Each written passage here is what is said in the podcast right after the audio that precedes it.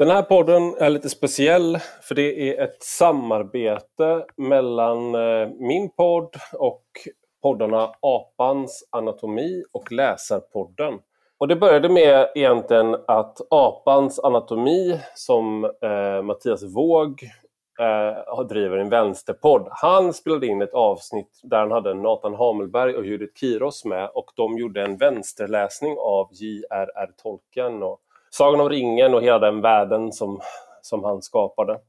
Eh, och i den podden så nämnde de bland annat mig och Joel Halldorf som två exempel på folk som missförstår Tolkien.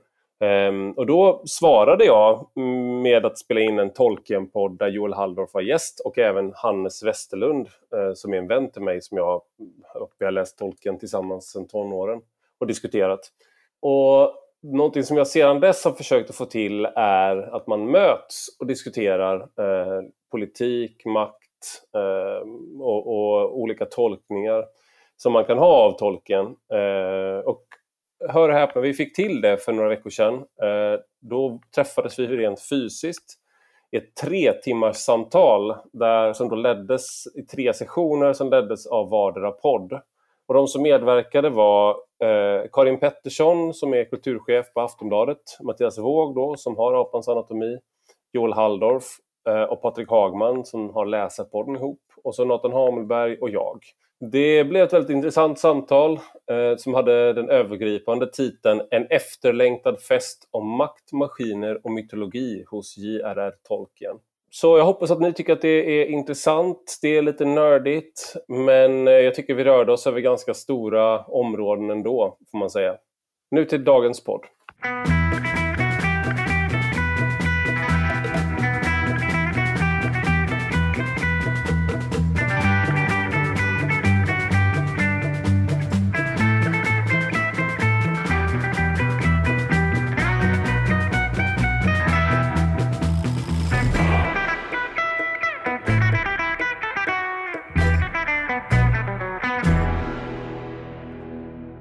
Tack så mycket. Tack Daniel för allt som ni ordnar för att ställa lokalen och tekniken i ordning så vi kan vara här. Joel Halldorf heter jag som sagt. Jag är eh, här i lite olika roller, bland annat eh, för en förening som heter Valv som också jobbar med, med eh, existentiella samtal, att lyfta samtal och eh, sådana här typer av frågor som inte liksom får så jättemycket utrymme när det är regeringsdeklaration och regeringsbildning och sådana saker som det är idag, men som ändå behöver, utan, och, och, och, och där man behöver just som, som Daniel sa, samarbeta för att det ska fungera.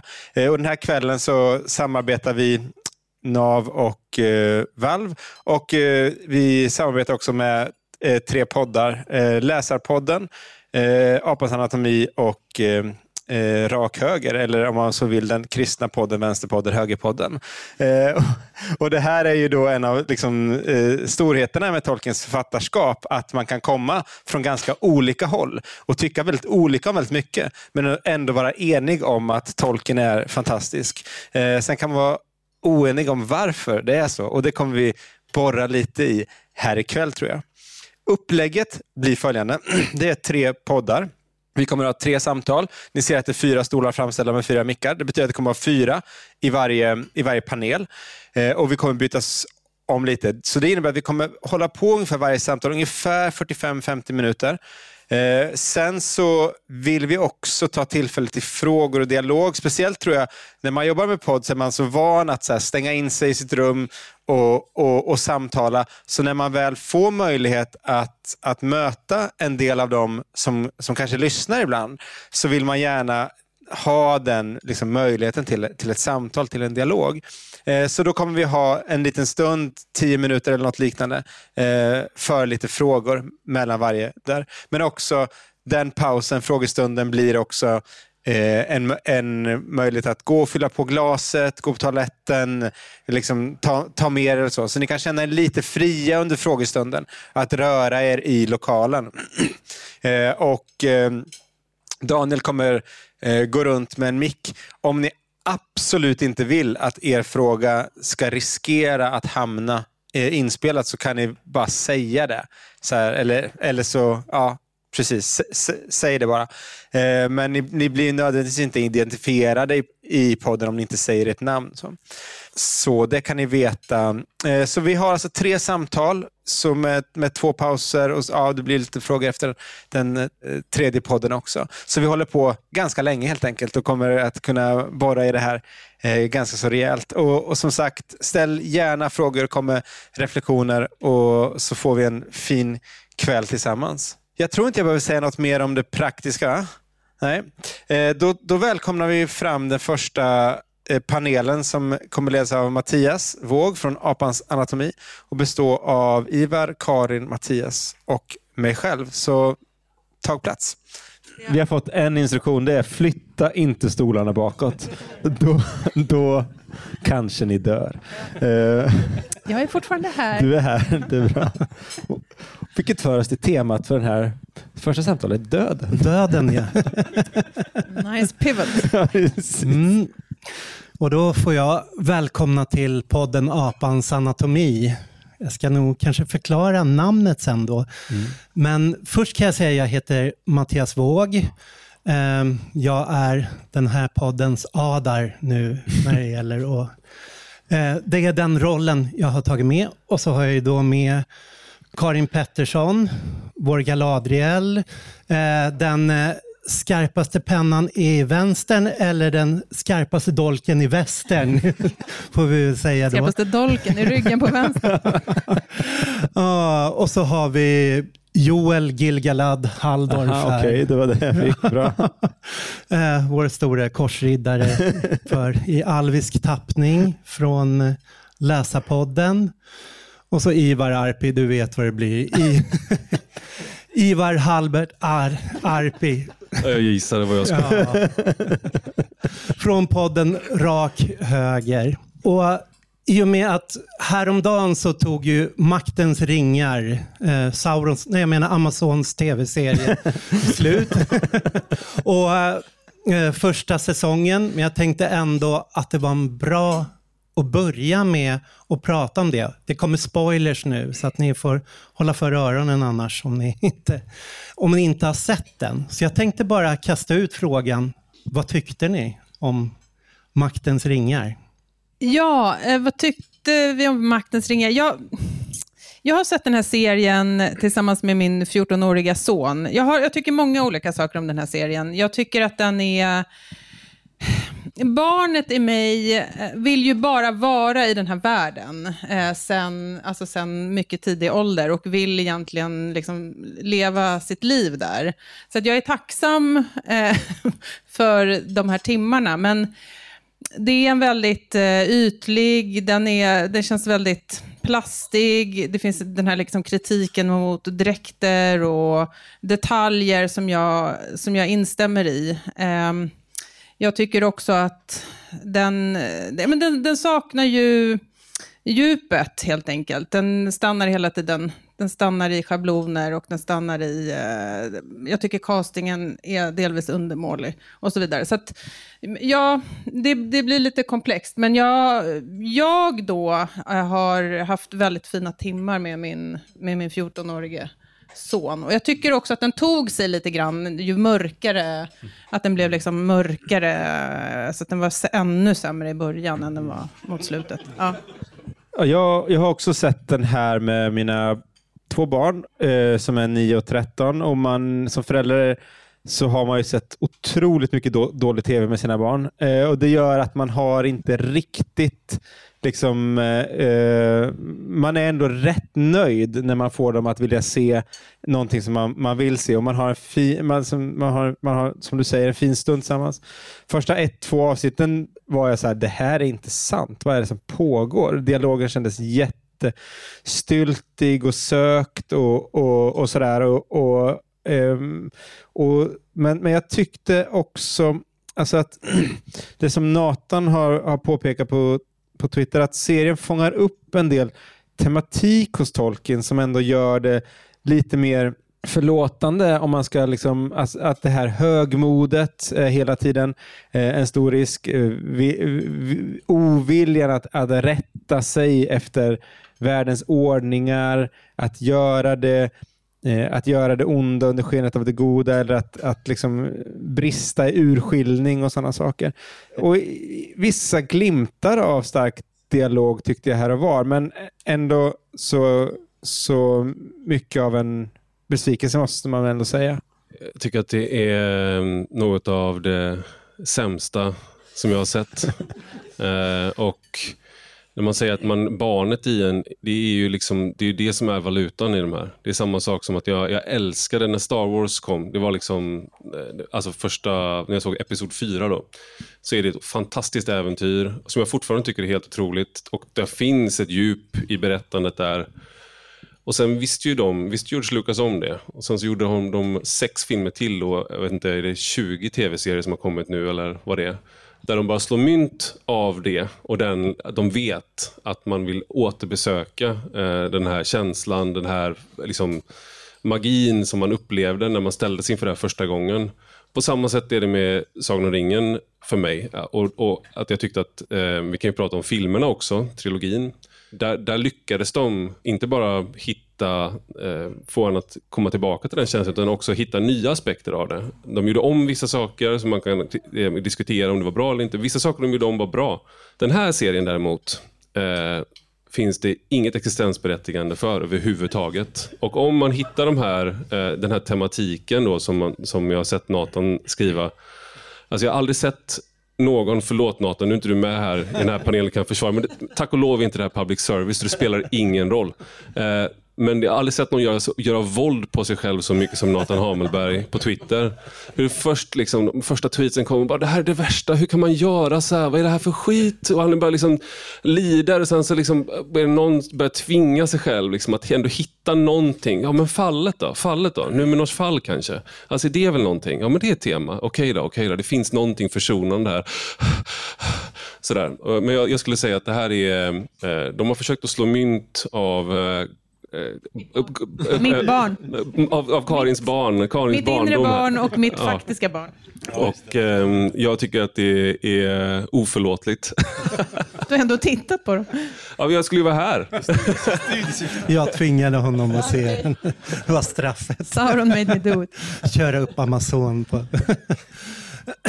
jo, nej men det du sa om eh, Star Wars, Ivar. Jag tänker så här, jag älskade ju också fyran, femman, sexan och den utspelar ju sig i, i soptippen, avkroken i hela universum, i hela galaxen. Efter att eh, en republik har fallit och en, ett mörkt imperium har tagit över. Så det här är verkligen, man får se den, ja, men den tristaste lilla ökenplanet och där är historien. Och det är det jag har älskat med Sagan om ringen också, att det utspelar sig efter en storhetstid, när alla de stora alvrikena har, har fallit, de stora människorikena har också fallit och kvar finns bara ruiner och Sauron då som härskar över de där ruinerna och liksom sopar golvet med de få som är kvar som tvingas sluta sig samman. Så jag var liksom så skraj för det där, liksom att, men jag vill inte se hur Kassadom ser ut, dvärgarnas rike. Liksom. Jag vill inte se hur alvernas riken ska vara. Det här är någonting som jag vill ha bilden av. Det här har skett i någon urtid. Jag vill bara få bebo de där ruinerna av det. Och ändå satt jag också där som ett litet barn och liksom tjoade när Numenor. Liksom. Man fick glida in i det och se det här fantastiska blandningen av Atlantis, Egypten, eh, romarriket och så. så att, eh, jag trollbands lite av liksom de här stora miljöerna och sen kändes det ju väldigt mycket som sista säsongen Game of Thrones. Det bara forcerades fram i sån otrolig ja, takt. Det. Mm. Men det, det, finns ju, det är lite som eh, att eh, om du skildrar eh, det här passar verkligen inte in i tolken, men om du skildrar erotik mm. eller något som är sensuellt så det kan du inte göra rakt på. Utan det är något du måste ana, det måste finnas en spänning i det. Du, du kan inte bara, du kan inte bara med, medan pornografi, då ska allting, du måste, allting ska synas och det ska vara maximalt av allt. Eh, det här är pornografi. När du kommer in i Numenor. Det är, klart, Mm. det är klart att det är trevligt en liten stund. Sen efteråt så skäms man. Och man ser det inte med sina barn. Nej. Nej, jag vet. Men det, det, är vissa saker, så här, det är vissa saker som, eh, som, som har att göra med du, du kan bara an, Vissa saker kan bara berättas genom att du anar det. När, när du ska skilja det rakt på så blir det platt. Ja. Det blir banalt. Och det är det som tolken, när, det han gör med, och det är därför George Lucas han är inspirerad av tolken, är det att det här fallet som han tog från tolken. Man, man tänker sig under folkvandringstiden där de här minnena som fanns, som finns i de myterna som tolken sen byggde på, när de går runt i den världen där fortfarande, det står fortfarande städer som är byggda av, av romarna kvar, hela antikens städer. Men ingen vet hur saker funkar. Fast eh, jag håller med om eh, det när det gäller tv-serien. Så ska jag säga att jag brukar inte titta på porr med mina barn. eh, Men det som hände när jag tittade på tv-serien med min son, det är som inte har läst till exempel Silmarillion eller de andra sagorna om Midgård och sådär, det är ju att han det blir ett tillfälle för oss att eh, prata om liksom, djupet i berättelsen på ett sätt. Eh, han har läst böckerna, han har sett filmerna, men de här liksom, lagren av historia, de tidigare åldrarna, liksom, Valar, Numenors fall, det där är sagor som han inte känner till. Så att, på det sättet blev det en, ro, liksom en bra eh, ett bra tillfälle att prata om det eh, mellan oss två. Sen håller nog inte jag med dig, Ivar, om... Jag håller med dig om att tv-serien faller platt. Men jag tycker ändå tolken i, sina, i sin text är ju också bra på att skildra storhetstiden, liksom Gondolins storhetstid och liksom, ähm, västern liksom före fallet och sådär. Så det finns ju i hans språk. Det är ju inte bara, även om han försöker bygga en mytologi eh, och det, hans liksom, storverk absolut är liksom, trilogin om härskaringen så är han ju också den, han vill ju också berätta om det som skedde tidigare och han är också bra på det tycker jag. Så jag håller, ja, men däremot lyckas inte tv-serien skildra det. Kan det finnas någonting när vi jämför med filmerna? Jag minns när, när de kom ut och det var de här tidiga nätforumen som diskuterade liksom olika detaljer i rustningarna och att det skulle vara en scen när någon talade alviska och det skulle eventuellt vara så att Aragorn sjöng och det gick liksom rykten och, och, och, och liksom så här, att så här, nördsällskapet i världen har blivit mycket, mycket mer kräsna och krävande. För egentligen levererar ju den här serien ganska mycket av liksom så här miljöer, scener, mycket alviska och sådana saker. Men det blir ändå rejected. Medan för när Peter Jacksons filmer kom, som är storslagen scenografi eh, och, och eh, spännande och bra, men som liksom dels fuckar upp jättemycket saker som inte är detaljer bara, utan, utan så, men, men också inte berör liksom, eh, grundläggande eh, tematik eh, i tolken. Det finns väldigt lite av barmhärtighet, hopp, alla de kristna. Det är egentligen en sekulariserad tolken-berättelse skulle man kunna säga, i det att man har tvättat Usch, bort de här. Ja, ja, det, och då blir det inte mycket Ja. kvar. Det är så det är. Mm. Jag tänkte om man eh, hoppar... För, eh, Maktens ringar kan ju ändå vara en bra väg in då i böckerna. Och då är det ju så att Amazon, de fick ju inte tillåtelse att använda någonting från Silmarillion. Och Tolkien har väl också skrivit i sitt testamente att han vill inte att Silmarillion ska filmatiseras. Att det ska, vi ska ha det för vår egna fantasi så att säga. Att det ska inte bli det ska inte bli film av det. Men det är ju ändå något fascinerande med Tolkien att han ägnar hela sitt liv åt att bygga de här berättelserna i Silmarillion. Det är hans livsverk. Liksom. Och han skriver om dem, skriver om dem under 50 års tid. Han provar i poesiform, han provar i sagoform, han provar liksom i episka berättelser. Eh, och sen så skriver den här barnboken Hobbit som kommer, när den kommer 37 kommer den ut. Och sen så blir den en sån succé och han börjar skriva en fortsättning då som blir Sagan om ringen. Där han får placera in det i det här berättelsen och lägger det flera tusen år senare i ruinerna. Och där då när han börjar skriva det här så måste han ha någon brygga däremellan. Liksom, mellan den här äh, alviska storhetstiden som handlar om de stora alvrikena och den här tiden i ruinerna. Och där, där är det ju spännande i hans brev som de som har gjort den här tv-serien verkar ha läst väldigt mycket. Jag tänkte vi ska ta upp de tre temana som de ser som, eller som tolken skriver är centrala i hans berättande. Och det är fallet, döden och maskiner. Och vi kan spara maskiner lite utan börja prata om fallet och döden och då är ju i hans berättelse så Alltså, man kan väl se det som en kristen tematik där någonstans med, yes med fallet, med sinnefallet. Men det är fortfarande det här att fallet är någonting konstant pågående och det sker flera gånger. Att människorna som slöt sig till Morgoth, de föll. Eh, och eh, alvernas första fall var när de eh, jagade efter eh, Morgoth när han hade skällt silmarillerna, dräpte sina egna, svor sin ed att de skulle ta, ta tillbaka silmarillerna och det vilade som en förbannelse över dem. Så det är liksom hela silmarillion går ut på. Här kommer vi till det andra fallet för människorna, där de goda människorna som stred på den goda sidan mot Morgoth fick sitt egen högteknologiska, eller lång paradisö utan sjukdomar, där de levde flera hundratals år. Och sen så har vi då alverna som inte återvände, de som blev kvar, som är borttynande kring döden. Så här. Vad, vad tänker ni lite kring de temana? Joel, det vore kul att bara höra. Nej, men alltså, fallet, alltså, fallet, att fallet är så viktigt och behövs i mytologin, Tolkiens och även den kristna, är ju också för att världen i grunden är god. Men så finns det då den här ondskan och då måste man förklara var kommer ondskan ifrån? Jo, men det, det har in, inträtt ett fall.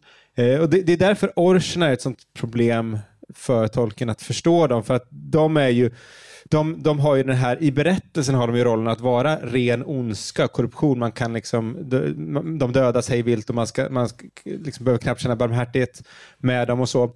Eh, och det är ju egentligen lite paradoxalt. Det, det, och det, det, här är någonting som Tolkien brottas med. Hur, var kommer de ifrån? Och de kan väl inte vara, för ingenting som är, ingenting som existerar kan vara genuint ont. Utan ondskan måste förstås som fall och fallet bottnar ofta i någon form av högmod. I de exemplen du tar är det det. Och det är också en genomgående tematik eh, i, i de här berättelserna. Nej, men jag tänker att eh, precis eh, nej, men med tolken med hans väldigt liksom, djupa eh, liksom, katolska tro, eh, så finns det ju, och jag, i Silmarillion så är ju fallet liksom inbyggt redan från början i den första sången. Eh, så är dissonansen redan där. Och där så att egentligen är det redan då bestämt att eh, det här är inte en, en god och statisk värld, utan det är en föränderlig eh, värld med friktion, där saker kommer att liksom stökas till och den här den dissonansen försvinner ju inte, utan den är evig och en del av eh, skapelsen.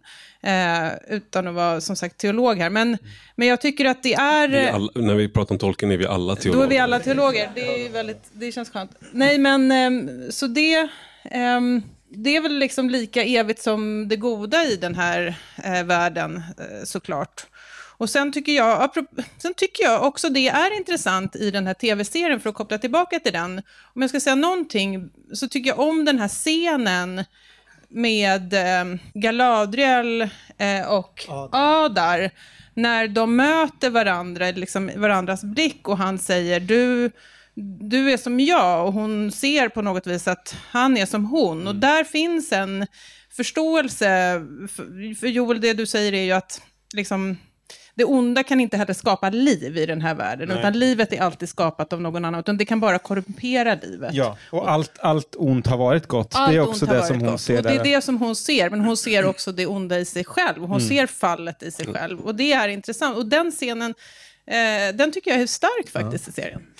Ja, men jag, jag, tror, jag skulle vilja eh, säga att du har fel där Joel. Att, eh, världen är inte, som jag tror att Karin har rätt i det att eh, Melkor då, som blir Morgoth, han, de här dissonanserna byggs in i världen. Så det här är ett problem för tolken likväl som det är för alla abrahamitiska religioner som förföljer honom in i det här världsbygget. Ja, och det är, hur, det, hur, kan Gud, det det, hur kan Gud eller Eluvatar tillåta den här ondskan? Det finns också en diskussion mellan eh, Eluvatar och eh, Melkor och Eluvatar är ju då den liksom, storguden. Så är det Eluvatar? Jag har alltid tänkt Iluvatar. Iluvatar, det är kanske så man jag säger. Undrar bara, det, det, det, är som, det är så roligt med de här orden som man bara har läst ja, och aldrig har uttalat. Det är, så man, det, det, är så man avslöjar att man har liksom pratat med sig själv om det här mer än med andra. Same, och, nu, och, nu sitter man, och nu sitter man på scen och ska uttala allting korrekt. Ja. Iluvatar. han, han diskuterar med Melkor, eller Melkor i liksom upproret, och då så säger han till honom att tror du verkligen att jag skulle ha låtit dig bygga in de här dissonanserna utan min vetskap? Mm. Och där har du ju eh, teodicé-problemet egentligen. Att hur kan Gud tillåta så mycket död, förintelse eh, och när han är allsmäktig? Mm. Mm. Eh, och, och det där löser ju inte eh, tolken. Lik, om han hade löst det så hade han ju liksom fått Nobelpris i teologi. Mm. exakt. Men jag skulle också säga att eh, det här med fallet, det är ju... I, i, liksom det finns, ibland när man diskuterar de här sakerna så finns det ju, visst det har att göra med högmod, men jag, jag tycker att det finns en utmaning i i Tolkiens eh, verk. Som är, när, jag, när jag pratar om det här så brukar jag alltid säga att jag identifierar mig mest med Boromir. Mm. Och Anledningen är att det finns egentligen ingen som kan stå emot ringen. Och Frodo klarar inte det. Så du, du, ingen kan stå emot ringens lockelse. Så om man då läser Sagan om ringen och tror att man är mest som eh, Faramir eller någonting. Då har du missat poängen i fallet i som berättas där. Att du som läsare av den här boken, du står inte över fallet som skildras i boken, utan du är lika fallen som de karaktärerna som lockas av ringen. Så du är Denethor, du är Boromir. Den utmaningen finns i alla. Sen vill man såklart som läsare, precis som man vill när man kollar på andra utmanande saker eller läser att man vill identifiera sig med det goda. Mm. Men om man gör det och tror på, på allvar att den identifikationen stämmer, att man är hjälten på väg som ska slänga ringen, då mm. tror jag att man missar det budskapet av ödmjukhet som finns i boken. Att, och jag, jag tror att man bör eh, förlika sig med tanken på att, eh, man, att, att du har Boromir i dig som försöker ta ringen med våld. Och sen kanske det finns en försoning i att du som han får då i slutet, att eh, när Aragorn säger det är få som har vunnit en sån seger, för han lyckas vända tillbaks. Han mm. dör, men han lyckas vända, vända tillbaks. Men den utmaningen menar jag, att man inte kan, du kan, du, man bör inte gå igenom den här berättelsen och tro att du är hjälten på väg till domedagsberget bara. Utan du är de karaktärerna på vägen som har fallit men, också. Men det finns liksom hans, hans lösning om man säger på, på problematiken det är ju dels att det heroiska som en väg. För att om man säger så, eh, ett, ett, ett, Thomas Aquinos svar på teodicéproblemet är att varför tillåts ondskan i världen? För att Gud älskar förekomsten av kärlek eh, mer än vad han hatar eh, ondskan. Då. Och för att förekomsten av kärlek ska finnas så måste du ha frihet och då öppnar du också dörren för ondskan. Så det är dels då den här kallelsen till, till, till kärlek, till, till dygd helt enkelt, och som finns hos karaktärerna som de uppmanas att, att följa, då, som ändå är någon slags hopp i detta, även om det är svårigheten aldrig ska underskattas som du säger. Och Det andra är ju det här paradoxala, alltså döden som en gåva, som du också mm. ville att vi skulle tala om. Alltså, ja, du kan väl leda oss in lite där? Ja, men jag tänkte ändå fortsätta lite där ni var. Jag har också någonting att att säga om det där. För att eh, det är ju, alltså det tyckte jag var det trista i eh, Sagan om ringen på ett sätt, att det är så tydligt det mörka mot det ljusa, det goda mot det onda. Och som jag blev så fascinerad av när jag sen läste Silmarillion och läser eh, Maktens ringar, den perioden. Och det, det är just det där att eh, alverna till exempel, alverna drivs av en vilja att skapa subkreation. Att de skapar inte världen men de ska hela, läka, utveckla, utveckla skönheten i världen. Och den där viljan kan utvecklas till en hybris. När den utvecklas till hybris så utvecklas den till maktanspråk. Mm. Och då öppnas det också för korruptionen. Så att det, det är inte så att det är kärleken som är räddningen utan det är en kärlek som som leder till korrumperande. Det är en vilja att skapa någonting och också bevara det där. Och där är ju alvernas drivkraft är någonstans det bevarandet som till slut slutar i att de nästan vill balsamera det. De är liksom eh, mot all förändring. De är riktigt så konservativa, reaktionära på det sättet så här, och försöker utveckla metoder till att bevara. Medan människornas öde är att dö, att försvinna ut ur det här. Liksom, alverna lever för evigt. De, eh, de är bundna till den här världen, men människorna vet vi inte var de tar vägen. De kommer dö. Och det som sker på Numenor människans andra fall är ju att själva vilja bli odödliga, att vilja storma himlen, storma Valinor, gudarnas värld och skaffa sig, tilltvinga sig odödligheten med våld. Så att det, det är inte så enkelt att det liksom är en ondska som bara går in och korrumperar och skapar egoism, utan det är också mm. ur en strävan efter godhet som, som vrids någonstans. Och Det tyckte jag var fint i den här tv-serien faktiskt, även om det var liksom, kanske lite lökigt skildrat här på slutet, att när eh, Sauron hela tiden säger, Halbard hela tiden säger sig, eh, att det är ju Uh, han har hela tiden talat sanning. Mm. Han har inte gett några lögner, utan det är Galadriel i hennes fanatiska jakt på ondskan som har fått ondskan att vinna. Mm. Det är hon som har skapat ondskans seger, medan han snarare ville ja, till en början i alla fall stiga ur det där på något sätt. Men det där är ju... Så alla, alla laster är förvridna dygder. Och det där är en, en en, en, en klassisk liksom vägledningsinsikt. Att om du ser att en person liksom brottas med någonting så är det inte för att den här personen är, är ond.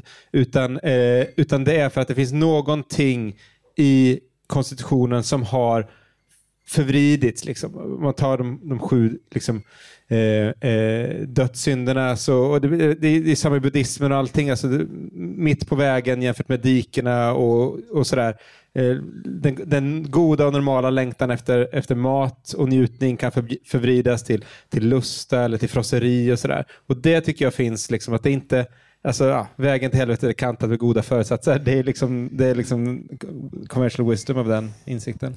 Men man kan väl också säga, jag tänker det här med dissonansen eller ondhet, ondskan eller liksom vägen till fallet det är ju jag menar, det är ett cykliskt förlopp som här skildras. Mm. Det är inte ett rakt eh, streck från liksom paradis till helvete, utan det, det, händer, det byggs upp eh, och liksom man kommer till någon slags insikt och så börjar det om.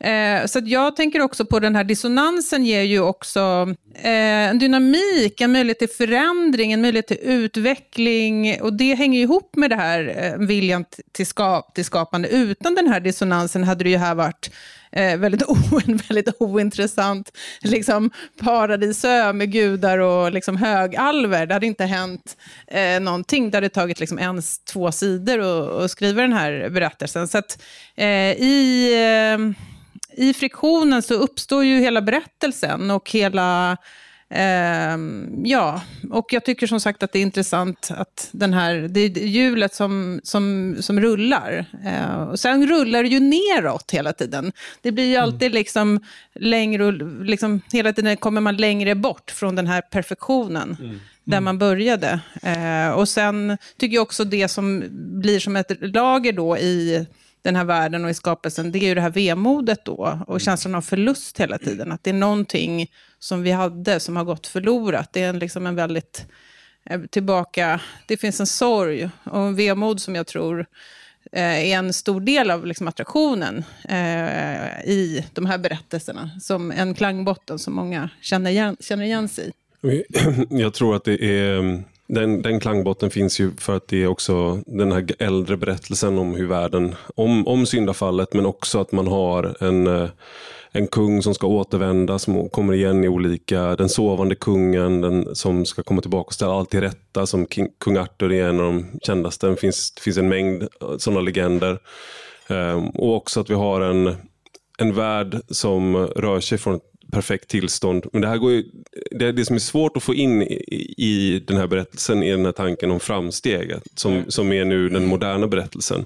Och det är väl där tolken då, det du kallar, eh, alverna kallar de konservativa och reaktionära. Eller den, det, det, finns ju någonting i, i hela berättelsen som, man skulle, som en del har sagt är just eh, så här, framstegs... Eh, skeptiskt i alla fall, eh, kan man säga. Man kommer in på maskiner eh, att, att liksom, vi kan inte skapa det, det goda på det sättet, utan det, det goda det, nu, nu jag, hoppar jag lite här, men en sak som de upptäcker, hoberna är ju liksom en del av vår värld och Fylke är på något sätt en, en anakronism i den här världen. Och Det är, så, det är som, en, det är som ett, ett, ett lite mer subtilt sätt att skildra den här perrong 9 Mm. och tre fjärdedelar. Alltså, för det är det, det är det Fylke är. Liksom när de ger sig ut där så kommer de röra sig in i myternas värld, hjältarnas värld, hjältarnas tidsålder.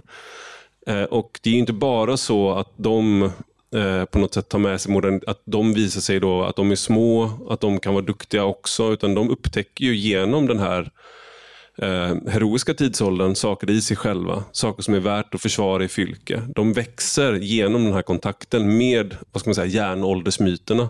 Så det här, tror jag, den spänningen där gör ju också att det, det, det räcker inte med bara en kristen läsning. Det räcker inte bara med liksom en, en läsning av att det handlar om ödmjukhet. För det är fortfarande så att det är många skäggiga karar som blåser horn på kullar. I, och, och, liksom, och Det finns en lockelse i det. Eh, och just det här hjältemodet bortom allt hopp ändå kämpa till det bittra slutet eh, med svärd i hand och blåsa i ett horn.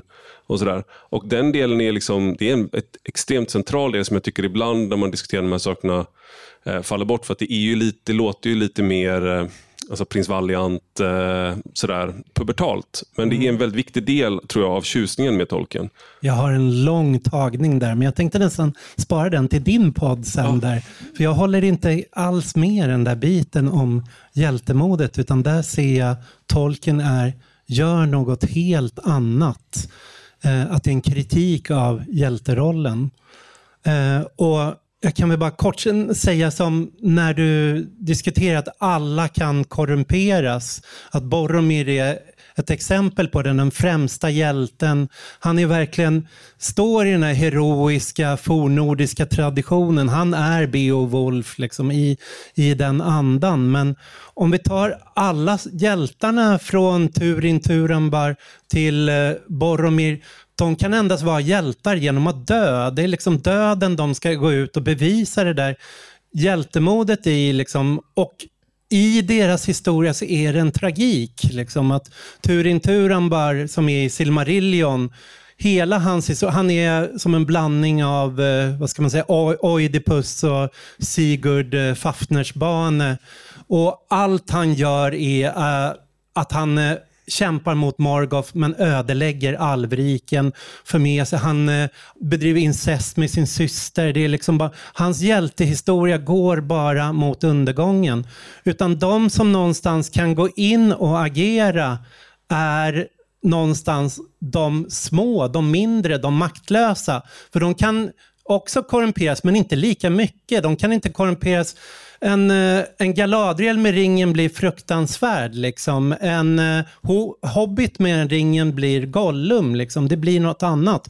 Och Frodo hade korrumperades också, men det som gjorde att de lyckades var någonstans tack vare Sam och Gollum. De, de ännu svagare, de ännu mer oräknade som någonstans klev in på arenan som eh, bara var följeslagare, sido, sidofigurer som kom in och utan det hade också Frodo misslyckats. Så att det alltid finns någon annan som kliver in där som är ännu mer osedd och ännu mer maktlös. Sen är det väl inte eh, alls så egentligen att... Jag menar, potentialen till korruption finns ju i alla. Eh, och alla har, det finns liksom, suget finns där efter makten och efter eh, ja, eh, liksom att vilja växa och, och, kontrollera och dominera. Men jag tänker, eh, det finns ju gott om karaktärer som står emot det helt också, som inte väljer den vägen, som Sam till exempel, eller Galadriel för den delen, som liksom vänder blicken. Och, och Sam är väl den som helt liksom avstår från det. Jag kan inte komma på, finns det någon scen? Faramir också. Ja, och, och Faramir. Ja. Han säger nej. Han säger nej. Så att, men Faramir tror jag känner dragningskraften mm, tydligare, medan liksom Sam är ju helt fokuserad bara på Frodo, så att mm. han känner liksom ingenting annat. Men, eh, men så att jag, jag tror... Jag vet inte, jag vänder mig också lite mot, det här kanske är liksom en politisk läsning också på något vis av, av böckerna, mot den här eh, hjält liksom, att det är Boromir som är liksom urhjälten i berättelserna. Ja, eh, Arken, hjältearketypen i, i... Som Mattias sa. Ja. Mm. Mm. Men han är väl på ett sätt det. Han är väl det, han är väl det som gör vad, vad, vad den liksom typiska arkaiska hjälten bör göra, så att säga. Gör, gör, allt för att rädda sitt folk, ta ringen och så. Och, och, och Tolkiens twist där är då att det är vägen till korruption och så och, och sen så kommer det här småfolket. För det, och, och, och, här kommer ju också det här som har också med framsteg och maskiner och allting att göra, också med döden. Så att Tolkien är emot idén att vi kan kontrollera världen, att vi kan kontrollera vårt öde, att vi, kan, att vi själva kan bestämma liksom, gränser för vårt livs dagar. Det är liksom, kontroll, människans kontrollbehov mm. är liksom roten till, till var, inte bara människans, men, men till de här fallen som du beskriver. Eh, och, och, och, kontroll och mastery är ju också en av modernitetens egenskaper och någonting vi utövar över naturen, eh, över jorden med hjälp av maskiner. Eh, och, och, och, här finns en väldigt tydlig spegling hos tolken i hans civilisationskritik, alltså varför han är så skeptisk till, till maskinen. För det är liksom då utövar vi kontroll. Han är också skeptisk till byråkrati av samma skäl, för att det liksom mm. tror att man kan styra och metodiskt kontrollera människor. Och det för honom, eh, när vi organiserar samhällen så noga, då kommer, vi, då kommer de börja kriga med varandra, får vi totala krig och, och, och fallet. Då. Vi kanske bara eh, ska säga vad som menas med maskinen om man inte har läst de här breven. Så med maskinen så säger tol tolken det när du på något sätt externaliserar eh, din strävan efter makt eller makten i någonting så att det är ringen, det är magi, det är någonting forcerande, att försöka dominera någonting, genomtvinga någonting. Och genom också att lägga det externt så det är där han menar då sårbarheten uppstår. Vad händer om du förlorar ringen? Då förlorar du också din makt. Och han säger en härskare behöver undersåtar att härska över, men om undersåtarna går sin väg eller vänder härskaren ryggen, då har ju härskarens makt är externaliserad i dem. Så att det är ju en, det är en väldigt frihetlig läsning av makt i den här synen på maskiner just mm. som. Verkligen. Jag, jag, skulle också bara vilja, nu är vi ju kvar i Tolkiens värld. Jag tror att Tolkien har fel här. Alltså jag tror att den här bilden av ringen är delvis fel. Så jag tror inte att han har helt rätt i sin skildring av varken makt... Du tror inte makten. makt korrumperar? Jo, men jag tror inte att det är så absolut som för tolken. Jag tror att jag är mer av den här världen än vad han var, kan man nog säga. Eh, och därför menar jag också att man eh, just för att jag säger det också, så är jag kvar, då är man ju kvar i tolkens värld också. För då, det är det, enligt honom så skulle det vara ett sätt att formulera att man tror att man kan kontrollera ingen. Så jag är fortfarande kvar i det. Eh, så att säga. Och Det är det också som var min inledande poäng med att du tror att du kan stå emot. Men vem, nu, jag och Karin träffades tidigare idag eh, i Aftonbladet TV och pratade valet av den nya kulturministern. Nu ska vi inte prata regeringsbildning, mm. men då pratar vi om armlängds avstånd till kulturen. Mm. vem, vilken politiker som får, ett, ett, liksom, får makten över liksom, ett departement kommer inte liksom, kommer säga nej men jag tror att jag har tagit ett steg tillbaka från allting här. Jag ska inte ställa någonting till rätta utan jag, jag, eh, jag är ödmjuk inför att eh, liksom, alltså, alla människor deltar i det här. Eh, det, det här tror jag är liksom en berättelse i det här som gör att den här tragiken är också eh, obönhörlig. För att vi deltar alla i det här. Eftersom vi är en, har en fallen natur så deltar vi alla i det här. Vi, kommer inte, vi, vi här kommer inte stå över fallet. Vi här kommer delta i att genomföra fallet en gång till. Men du menar, du menar alltså att makt korrumperar och det är egentligen fel men det är ofrånkomligt för det är så världens villkor är. Ja, du kan inte ställa dig. Jag tror, jag tror inte att du i den här världen kan ställa dig utanför världen.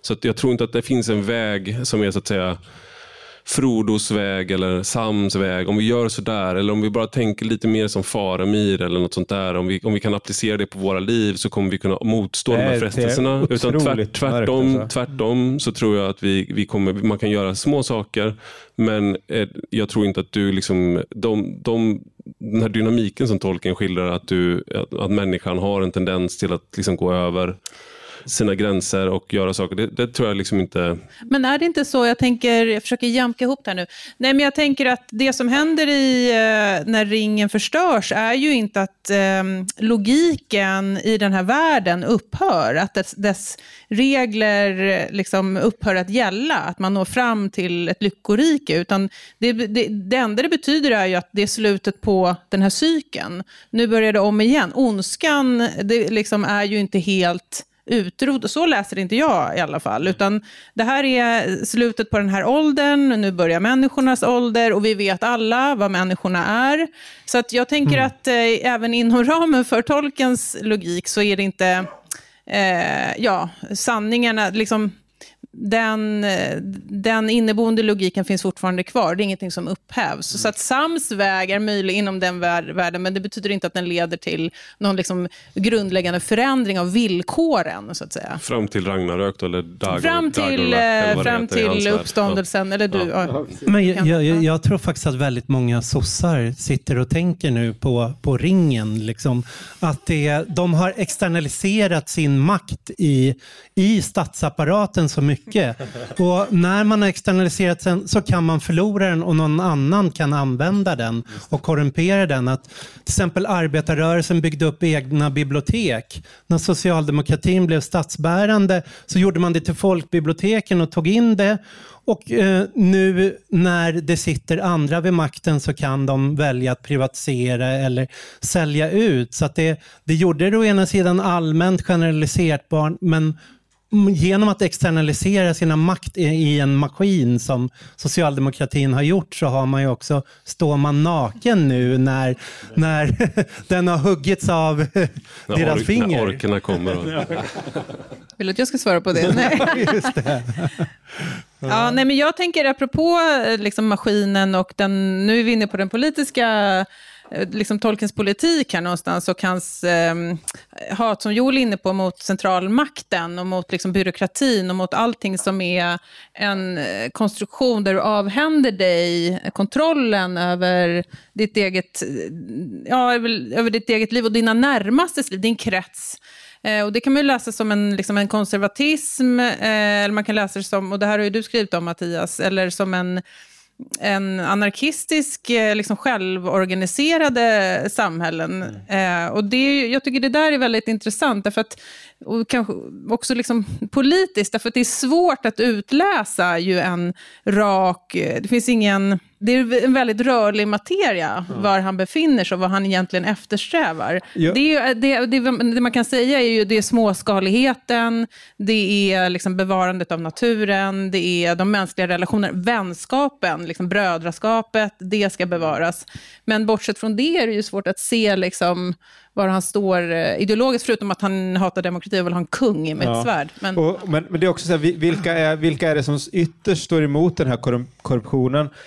Det är Sam då. Sam är ju modellerad efter liksom, de här engelska eh, pojkarna som han eh, liksom mötte i första världskrigets skyttegravar menar, menar liksom, Eh, vissa i alla fall. Och att, och att det, finns no, det finns ju någonting i, så att säga, jag försöker hitta så här, var hittar nåden in i det här? Och det hittar in tror jag i det väldigt, i, i fylke, eller väldigt vanliga livet. I livet som inte är då ambition, karriär, makt och sådana saker. Går du in i den arenan, då är det väldigt, väldigt svårt. Eh, men även där så finns ju det heroiska som en möjlighet och, och det, det, liksom, det sant heroiska där, där, där liksom mod eh, är inte den enda dygden utan det är förenat med liksom hela kopplet av, av dygder så du faktiskt kan eh, sköta makten mot dygden. Men det är väldigt, väldigt svårt. Då.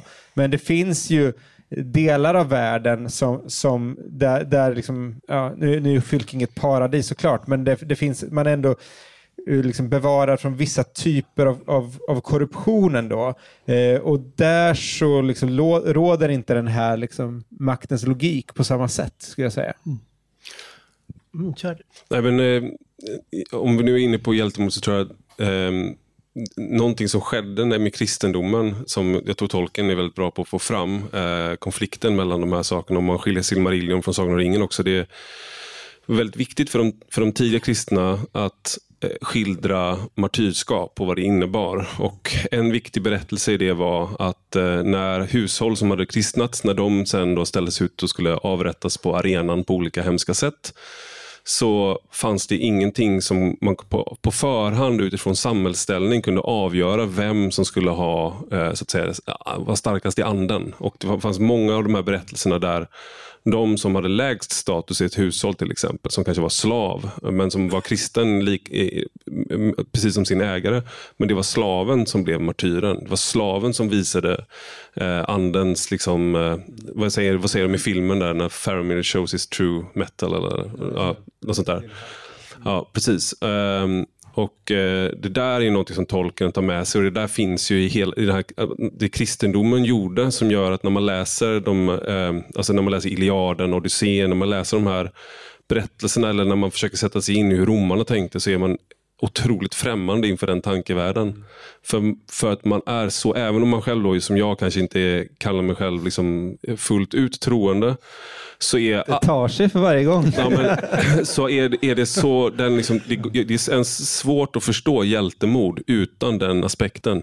Och Det där är ju väldigt tydligt i tolken. Men även då, det här var ju något som kristna eh, senare, liksom under hur kan du vara en kristen krigare, hur kan du vara soldat och kristen? Och hur kan du liksom vara en, liksom en pilgrim men också vara, vara, vara krigare? Och Det där är ju någonting som hela tiden finns då i, i de här, att, men han bevarar ju ändå det här hedniska hjältemodet skulle jag säga. Vi börjar snart behöva avrunda tror jag. Det är hel ungefär som vi behöver. Ja, precis. Ja, Jag tänkte bara en sista fråga och det är Apans anatomi, ändå en vänsterpodd. så jag tänkte, äh, men, eh, just äh, vi pratade om så här, vad, om tolken och hans anarkistiska frihetliga drag i det här. Men att han saknar någon progressiv syn, han saknar en syn på förbättring. Att det, konungens återkomst innebär ju inte ett nytt paradis, utan alverna har lämnat. i den mytiska tiden som har tagit slut, liksom människornas tid, så det börjar. Och jag, det tänkte jag med dig Karin, du har ju haft studiecirkel i Aftonbladet Kultur på Andreas Malms bok om den här How to blow up a pipeline. Och det är rätt tydligt i den här klimattänkandet och i eh, speciellt det marxistiska klimattänkandet att man gått bort från den här eh, vänstersynen som har skilt sig från det här förfallstänket genom att säga att vi från mörkret går vi mot ljuset. Det, det är en progression, att det blir bättre och bättre. Medan dagens vänster någonstans har sällat sig med, med de kristna och med de konservativa och sitta i en förfallssyn. Liksom, att det, vi, vi har förfallet och Andreas Malm, då är det liksom, hans Aragorn är liksom eh, pipeline-sabotören som går in och vänder det här. Liksom, men det, det är ingen utveckling mot ett bättre samhälle där. Nej, men jag tror att det ligger mycket i det du säger. Och jag tänker på eh, hans, äh, Andreas Malms argumentation, som, jag, som om man lyssnar på honom, äh, och inte bara i den boken, kanske i andra resonemang också, och han är liksom en viktig figur inom en del av vänstern, så är ju han, hans syn, som han ju delar med många andra inom klimatrörelsen är ju att vi är nu på en plats där eh, vi har en väldigt mörk tid framför oss. Och eh, det är ju baserat inte bara på en, liksom, en politisk analys, utan såklart på en, liksom, en vetenskaplig analys. Eh, och då är frågan, vem vill man vara? Liksom, egentligen är det för sent då. Eh, vi är på väg mot sämre, mot, en ganska, mot mörka tider. Och eh, det, första, det första alternativet är att bygga, liksom en, att organisera sig politiskt och försöka vända detta. Men om det inte går, då och jag tror han fortfarande är kvar i det första. Men om det inte går så måste man ändå tänka tanken, vem vill man vara i, eh, i eftervärlden eller för sina barn eller liksom när historieböckerna skrivs? Och det är ju den här heroiska idén om att liksom, mitt eftermäle, jag ska i alla fall göra, liksom, jag ska i alla fall leva... Dö med pilarna ett, i kroppen. Dygd, ett dygdigt, ett dygdigt Achilles som tänker på att han, liksom, han sitter i tältet och tänker på att han, hur ska jag bli ihågkommen? Ja, det är det. Men sen tycker jag att det finns en, en, en en utvecklingsoptimistisk båge i Sagan om ringen, inte i Silmarillion och inte liksom hela bygget, men det är ju självklart eh, Hobernas resa ut och resa hem, mm. där de, de åker ut. Det är en klassisk liksom, utvecklingsberättelse. Eh, de åker ut, de lär sig massa saker, både liksom hjältedåd, men också massa praktiska skills. Och så kommer de tillbaka och så fördriver de fienden och så gör de sitt samhälle mycket, mycket bättre. Och så de lärt sig, liksom, eh, och så lever men, de ett bättre liv. Men Frodo har inte den resan. Frodo har inte han, den resan. Det finns en sån, men här, som här, samhälle. Här är också så... en sån aspekt som jag tänker är intressant, för jag vet inte exakt hur det passar in, men han har ju, han har, när han kommer tillbaka till fylket så brukar han ju inte våld. Han är emot all form av våld. Som, han ställer sig helt utanför vad man, de flesta som läser det tycker är ganska rättmätig rättvisa som skipas där. Men Frodo är inte med på det. Mm. Han motsätter sig inte heller. Jo, han motsätter sig han att, att de ska döda Saruman ja, till exempel. Mm. Så han, han, visar ju just den här, kanske en nåd som eh, de allra flesta av oss kanske skulle ha svårt att uppvisa i det, i det läget. Och för att han har ju, hans resa har ju på något sätt gått bortom Men han har gått bortom, han har tvingats bort från den här världen. Han är inte riktigt kvar i Nej, den det här finns världen. ingen plats kvar för honom i, Nej. i Nej, fylket. men nu det finns fokuserar för ja, men nu men om vi skulle Derailade dig hitta... nu. Ja, du, Men nu skulle vi hitta hoppet. Nu skulle vi hitta den här Det finns inget socialdemokratiska hopp. Det är slut. storylinen om det goda samhället och du bara, ja, Alla, all, alla ska dö också. Ska vi avsluta där? Ja, Snälla. och, där, och där avslutar vi fallet. Liksom. För nu är tiden slut på alla sätt.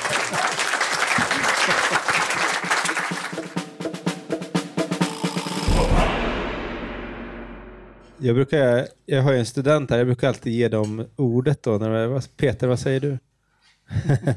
ja. Han, det brukar alltid gå bra också. Just det. Eh, nej men jag skulle gärna eh, höra Karin lägga ut den här, eh, liksom eh, fortsätta där du blev derailad om det här med eh, vad har hänt där med, med vänsterns syn på en framtid? Liksom? Är, det, är det bara klimatet det handlar om då och liksom går det att hitta en, en annan positiv syn på det än eh, det du beskrev, att vara, att hitta ett gott eftermäle efter, i postapokalypsen? Liksom? Folkhemsnumenor. ja, du menar utanför tolken? Eller inom? Ja, nej men eh, jag tror att den, det som Mattias frågade om, om den här klimatapokalyptiska eller klimatpessimistiska liksom läsningen av samtiden, det är ju ett, ett sånt spår. Ehm, ett annat, liksom, om man tittar på liksom socialdemokratins tragiska utvecklingsbana så är det, där tycker jag är intressant att man kan, man kan ju se att det finns alltid liksom en, eh, där är ju eh, västern, eller liksom den gyllene perioden, paradiset, det är efterkrigstiden, de 30 åren efter, efter andra världskriget, när man bygger upp välfärdsstater, man lever i liksom, eh, arbe- arbetarrörelser och liksom kapitalintressen går på något sätt hand i hand. Rädslan för kommunism och fascism gör att man kan samlas till något slags gemensamt projekt. Eh, och man, liksom, det är den här starka framåtrörelsen. Och jag skulle säga att det, var, det är ganska länge sedan nu som det fanns en sån... Det är den liksom känslan som tror jag många socialdemokrater i kanske min generation och generationen äldre eh, saknar. Den liksom självklara idén om att det går, ja, vi går framåt, mot, från mörkret stiger vi mot ljuset som, som Mattias säger. Men den är ju ganska långt eh, i backspegeln nu. Och pratar man med yngre, ehm, den yngre vänstern, och det här kan väl du svara för också Mattias, så, så, och där, där tror jag finns ett stort liksom, generationsgap. Att där finns överhuvudtaget inte den föreställningen att det liksom, som jag tror min generation är den sista, att den här självklara idén om att jag tror ändå någonstans att saker kommer att bli bättre, i någon slags nästan nedärvd, eller bara i, i hur, eh, hur jag liksom socialiserades in i Sverige, eller i samtiden. Men där är det ett, stort, ett väldigt stort, stort gap, kanske större än, än vad vi tänker på, eller som alltid mm, liksom förstås i den politiska diskussionen. Och här, här finns det en paradox, alltså man säger, liksom, Men du undrade hur man hittar tillbaka till en positiv berättelse? och det, jag ska ge dig svaret på det. För att, eh, Det är Gud, tror jag. det, det, nat, det, natur, det är alltid svaret. Eh, det, det, det, det finns som att den naturliga impulsen, nästan alla kulturer drömmer ju om lyckoriket bakom och upplever att liksom Eleison har vi fallit ifrån och så. Eh, och, och den här, eh, du sa att liksom, den kristna berättelsen är ju annorlunda där att den ändå föreställer sig liksom Guds rikets ankomsten. Några av er ska inte se döden innan Guds rike har kommit med dess makt. Alltså det är inte bara det här jättelångt borta, utan det finns ändå inom räckhåll att man ska kunna gestalta det här. Antingen i form av de här små församlingarna, heroiskt, eller då i form av liksom, eh, teokratin och imperiet och Konstantin och sådär.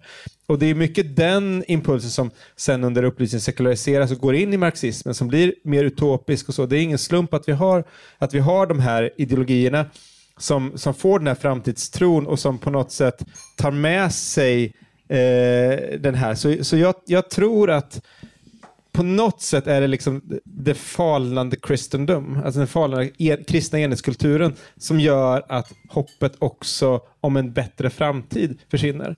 Men det är lite paradoxalt att tolken inte gestaltar det här. Nu behöver vi sluta. Nej, jag skojar. Mm. Okay. Jag bara? Nej. Men det blir väl en bra brygga också? Jag håller inte alls med. Jag, jag håller inte jag håller heller inte med. Alls jag med. avviker. Nej, jag, håller, jag får väl också. Ja, men nu tar vi då. jag, jag vill ju prata messiansk tid då, men det ska ja, jag men inte exakt gå så, in den på. messianska tiden. Det kanske, ja, precis. Men vi tar vidare det till nästa samtal. Då. Mytologin. Eh, så tar vi fem minuters ren bensträckare och också panelbyte här framme och så fortsätter vi om myter. Ja, då kan ni eh, eh, söka er mot era platser. Eh, det finns många skapelsemyter. Eh, en, eh, en av, av eh, de berättelser som berättas om hur den här kvällen kom till. Eh, då var det så att det hände sig på den tiden, 2020, eh, vint, i den mörka vintern, att jag eh, läste tolken för min dotter då. Eh, och eh, kom till, en, eh, kom till scenen, tror jag, där Frodo, ehm, det är, är det Frodo, ropar efter den här alvdrottningen, vad är hon heter? Elbref. Elbref Gilfonin. Eh, och eh, håller upp den här stjärnan och sådär. Och då kände jag liksom så här att jag fick eh, väldigt starka eh, eh, Kristna känslor. kristna känslor. Jag fylldes av kristna känslor. och också, också, också en, Hail Mary. att jag tyckte lite synd om alla som inte, som inte hade samma när de läste. Så då lite halvkänsligt som jag gör så twittrade jag ut det här sekulära Tolkien-Twitter. Hur känner ni när ni kommer till de här? Ett väldigt sekulärt sätt att hantera kristna känslor kan jag tycka. så, precis så. Känner ingenting. Precis, precis. Är ni döda inombords eller? Nej, och, så, och så fick vi en diskussion där, där, där, där vissa sa Eh, vad, vadå, vadå kristna teman i tolken? Och, och andra sa att jo men de här finns. Och så, och så började vi, vi började prata på allvar då Nathan eh, och diskutera detta och många gav sig in. Det var en jättekul diskussion och sen så kom de här poddarna eh, och, sen så, eh, och sen så har det här liksom puttrat på lite egentligen till och från sen dess och nu är vi här. Så nu, och nu så ska vi ehm, prata lite om detta men kanske börja i liksom i myterna som inte politiska utan eh, existentiella eh, berättelser. Ja, jag tänkte att vi skulle kunna ta avstamp i det här sommarpratet av Katrin Marsall. Där hon ju diskuterar, eh, det var ju manlighet som var tema egentligen, men hon, lyfte lyfter ju fram den här spaningen då att, att eh, det finns en tydlig så här könsskillnad när det gäller just episka berättelser. De tenderar att appellera väldigt mycket mer till män, medan kvinnor gillar relationsdraman. Så här. Jag tror att just den frågan så löser vi inte i det här rummet av naturliga orsaker. Men, men det som är intressant där tänker jag just det att, att hon, trollar ju då hela världen och säger att um, den här typen av episka berättelser som Tolkien, de är mycket mer realistiska än liksom så här Sally Rooney-draman som ju bara är fantasier. Alltså hon vänder på den här normala grejen att liksom män gillar fantasier och, och kvinnor vill ha, ha realism. Och säger att de här episka dramerna de säger något mycket sannare om uh, våra liv. Uh, håller ni med om den spaningen? Jag uh, slänger ut det. Jag har jobbat väldigt mycket med eh, att förhindra våld och ganska mycket med unga, unga oavsett kön, men mest med unga killar. Så jag har ju grubblat ganska mycket på det här. Um, och att um, de flesta män, eller alla människor ser på sig själv på ett mytologiskt sätt, fast de flesta tänker inte på att det är det. De placerar sig i någon berättelse. Man, man har en massa förväntningar på sig själv, på sina axlar som man har odlat själv eller som, man har, liksom, som har uppstått i kontakt med sin omgivning, i sin familj, på, genom medier, genom sin, den populärkultur man är i, eller religiösa föreställningar eller politiska uppfattningar och sånt där. Och det, um, ja, men om, om vilka som är mer, mer realistiska. Jag tror att eh, många eh, föreställningar som på något plan är mytologiska då nästan, som är, eh, skulle på olika sätt kunna definieras som traditionellt maskulina, eller typiskt maskulina. De kan vara modernt maskulina också. de är ibland mer handfasta. Och Medan förväntningar på kvinnor är ofta så relationella så att de blir liksom inte lika...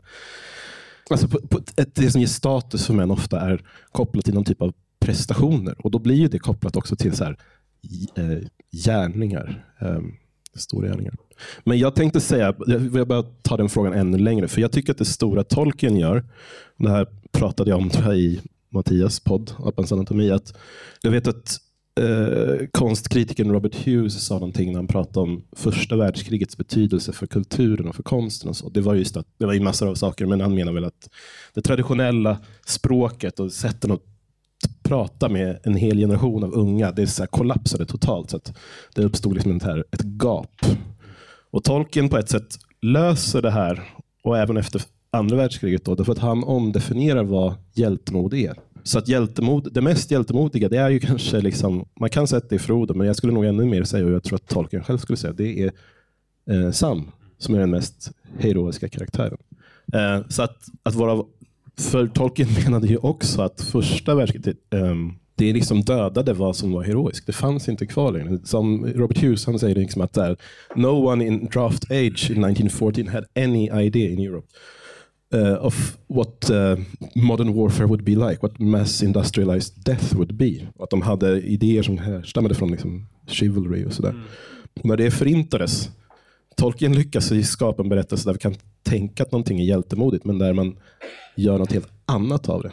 Och Jag tycker dessutom att det här är kopplat till nåd, apropå eh, om man kan vara hjälte på något sätt än, än eh, Boromir. Nej, men för det första så undrar jag om den här, apropå de här, de här könsskillnaderna, du sa att vi inte ska prata om det, men det handlar ju också om vad man definierar som en episk berättelse eh, och vad man, vem som har fått läsa vad och ja, vem som, vad ska man säga, vem som haft tillgång till vilka berättelser och kunnat identifiera sig med, med vem och hur. Jag tänker själv när jag läste eh, Sagan om ringen som kanske 10-11-åring, så Eh, jag tänker liksom, barnets blick på de här böckerna är ju, jag tror inte min blick var eh, könad på det sättet, utan det gick att hitta liksom arketyper, eh, karaktärer, att se sig själv i var och en av de här eh, hjältarna som uttrycker sitt hjältedåd på, på olika sätt. Och jag, jag tror att eh, jag tror att flickor likväl som pojkar behöver liksom heroiska berättelser om sig själva och sitt liv. Och Det är väl det Tolkien eh, tillhandahåller och därför många liksom fastnar i de här också vid en, vid en, ung, liksom en tidig ålder. Jag tror att de här berättelserna har, har det, och jag kan hålla med Katrin om det, att det har ju Alltså, människans grundvillkor och grundtillstånd är ju liksom starka starka känslor, starka frågor kring existensen, eh, frågor kring eh, mening, frågor kring liksom död, frågor kring eh, ja, vad, vad ska man, man ska ägna sin tid åt den här korta tiden på jorden. Och de frågorna ställs ju i, i de här böckerna. Och därför blir de också realistiska, för de, de kommer nära människans liksom känslomässiga grundtillstånd, kanske snarare än de här än liksom relationsromaner. Eh, jag gillar också Sally Rooney, ska jag säga. Men eh, eh, ja, jag vet inte om det var svar på din fråga. Det är, det är intressant det här att hur, hur berättar man Alltså, det som händer efter första världskriget är ju, när det gäller konsten och så, berättandet, det är ju att mycket av det här liksom, berättelsen som håller ihop och konstverket som håller ihop kollapsar och fragmentiseras och vi får så jättemånga rörelser som gör den, aha, okej nu går vi in i det moderna, eh, allting som vi trodde eh, liksom, av harmoni och intakthet, heroiska, en liksom, narrativ ark, säg det till liksom, alla de här engelska pojkarna som, och, och tyska och franska och, och, och, ryska och allting liksom, som, som dog meningslöst i, i de, här, de här skyttegravarna. Eller kommer hem djupt traumatiserade. Ja, precis. Where's my ark, som han säger i, i den här Sopranos-serien. Eh, eh och det är den känslan som jag tror många eh, moderna har. Liksom, var, var, är min, var, var, är min berättelse egentligen i det här? Eh, men, men, men Tolkien går ju liksom ändå det här otroligt ambitiösa projektet. Att skapa en myt för 1900-talet som, som ändå kan fånga upp det här. Och, och, liksom in, och det är ändå den som visar sig ha en sån attraktionskraft eh, och blir så läst. Precis som när, när Lukas då också går in i det här mytskapande inspirerat från, från eh, eh Tolkien och liksom, eh, den här, eh, eh vad heter den där, eh, Heroes Journey och alla de här teorierna och också skapar det och drar. Så det verkar ju vara någonting med myter alltså som drar oss väldigt djupt och, och skapar väldigt täta band till, till de här berättelserna. Det är ju nästan som att det är den formen som återstår e-, e-, efter andra världskriget för den här typen av föreställningar, alltså när, när, så att säga religionerna blir marginaliserade, inte mera en stark kulturell kraft i, i västvärlden, så, så, är det liksom i den här typen av, av litteratur som är, är så att säga någonstans mellan, mellan romanen och sagan, där, där de här stora episka frågorna ännu kan på något vis gestaltas. Men det är också något intressant i, i, i liksom hur, hur sättet som, som folk förhåller sig till de här berättelserna förändras jag ska inte låtsas här försöka komma med någon, någon beskrivning av det, det, det, kan jag inte, men man, man, kan definitivt se liksom att under min, min livstid så, så jag menar, på grund av filmerna och sen på grund av internet och, och, och, så vidare så har ju liksom det sätt som folk tillägnar sig den här typen av berättelser har ju gått mot, nej men ska vi säga ett, ett, att de Ja, men du pratade mycket tidigare här om, om barnen i oss och man vill leva i den världen, men det känns ju som att den här eskapistiska sidan av att läsa de här berättelserna, den förstärks väldigt mycket. Uh, och, och, den så att säga, motsatta rörelsen att, att använda de här berättelserna för att tolka ens eget liv. Jag vet inte om den försvagas i det. Eller vad säger ni? Finns det en sån här? Jag tycker det är, det är paradoxalt. Jag tror att idag har vi hamnat i någon så här sorts samtid där man på något plan kan ha något sorts smörgåsbordsinställning till myter. Mm. Uh, ytligt sett. Men samtidigt så ingen vill ha en myt som bara är så här, jag kan plocka på, på Coop i liksom, delikatessdisken. Utan man vill ha någon som ska ha, alltså där det är rimligt att den berättelsens på något plan sanningsanspråk är inte någonting man bara valde sådär, som att det var liksom vilken färg man ska ha på kepsen. Mm. Och då är det kanske i kraft av allting som Tolkien brottas med. Att de berättelserna har man ändå från andra håll som gör att det, kommer fästa väldigt mm. väl. Men sen tänker jag, eh, jag tror att vi har några gemensamma trätobröder jag är inte ens liksom jag skulle nog eh, säga agnostiker. Så. Sorry, så det var bara halva här. Men, men det är mest att jag, jag har väldigt svårt för en typ av, som jag kanske väldigt raljant skulle kalla liksom, eh, frälst ateism. Det finns ingen gud och Dawkins är hans profet. Alltså den tron har jag svårt för. Och det är nog en del i det som får mig störa mig på det. Det är just att jag tänker att, nu blir det politiskt då ändå, men jag tänker att hela svenska politiska historien, det är mytologi. Om det är folkhemmet så är det en mytologi. Om det är arbetslinjen så är det en mytologi. Om det är liksom, jag vet inte, det Sverigevänliga, Sverige, inte menat raljant. Alltså, hur man, man kan inte förstå sig de, de berättelserna, eller delarna utan att förstå den där helhetsberättelsen. Och på, jag sa det någon gång, bara driva med mina vänsterateist smarty pants-polare, att uh, men liksom, eh, Big Bang, det är en myt. Och de blev skitlacka för att vadå, det är ju sant. Och så, jo, jo, men det är en myt. Mm. Myt är inte lögn. Myt är en berättelse. Ingen lärde sig Big Bang genom att kunna kvantmekaniken och liksom astrofysiken först och sen ja, det är det här som är Big Bang. Utan först har man en berättelse om den typ av explosion och sen lär man På samma sak med, med evolutionen. Det, det är en myt alltså mm. som är en, på en berättelsenivå. Mm. Sen så tycker jag att det som följer av evolutionen kan vi pröva eh, empiriskt på ett sätt som kanske är ganska svårt med många litterära myter. Eh, men jag menar bara att vi förstår världen genom en typ av stora metaberättelser. Ja, är och, det, och det är kopplat till tro. Alltså till exempel om man tror på nåd. Du kan inte förstå det utan en myt bakom det. Ja, men då, du prövar mytens sanningshalt inte genom att fly in i den, även om det alternativet alltid står till buds, utan att, utan att se om den är tillämpbar. Är det till, hjälper det mig att förstå? Kan jag leva så här? Ja, kan jag leva så här? Eh, liksom, eh, finns Faramir i verkligheten? Eh, är, är Boromirs frestelse verklig? Alltså, det finns ringen. Alltså, det är den typen av, när du verkligen då internaliserar en berättelse och en myt, så, så, så ser du sanningen när du börjar se världen via myten. Eh, och Det är därför de blir så och Det tror jag är kraftfullare till och med än politiska system och liksom filosofiska deduktioner och, och tvärtom de politiska system och filosofier som blir kraftfulla är de som lyckas översätta sig till berättelser och visioner och myter om folkhemmet och sådana saker. Och, eh, och så. Och det tänker jag, liksom, när du läste som, som 11-åring, eh, alltså, hur, hur djupt gick myten i, i dig om du liksom nu med en vuxens blick ser tillbaka? Hur mycket liksom färgade det hur du såg på världen? Ja, nej men jag har tänkt mycket på det och de här böckerna som jag...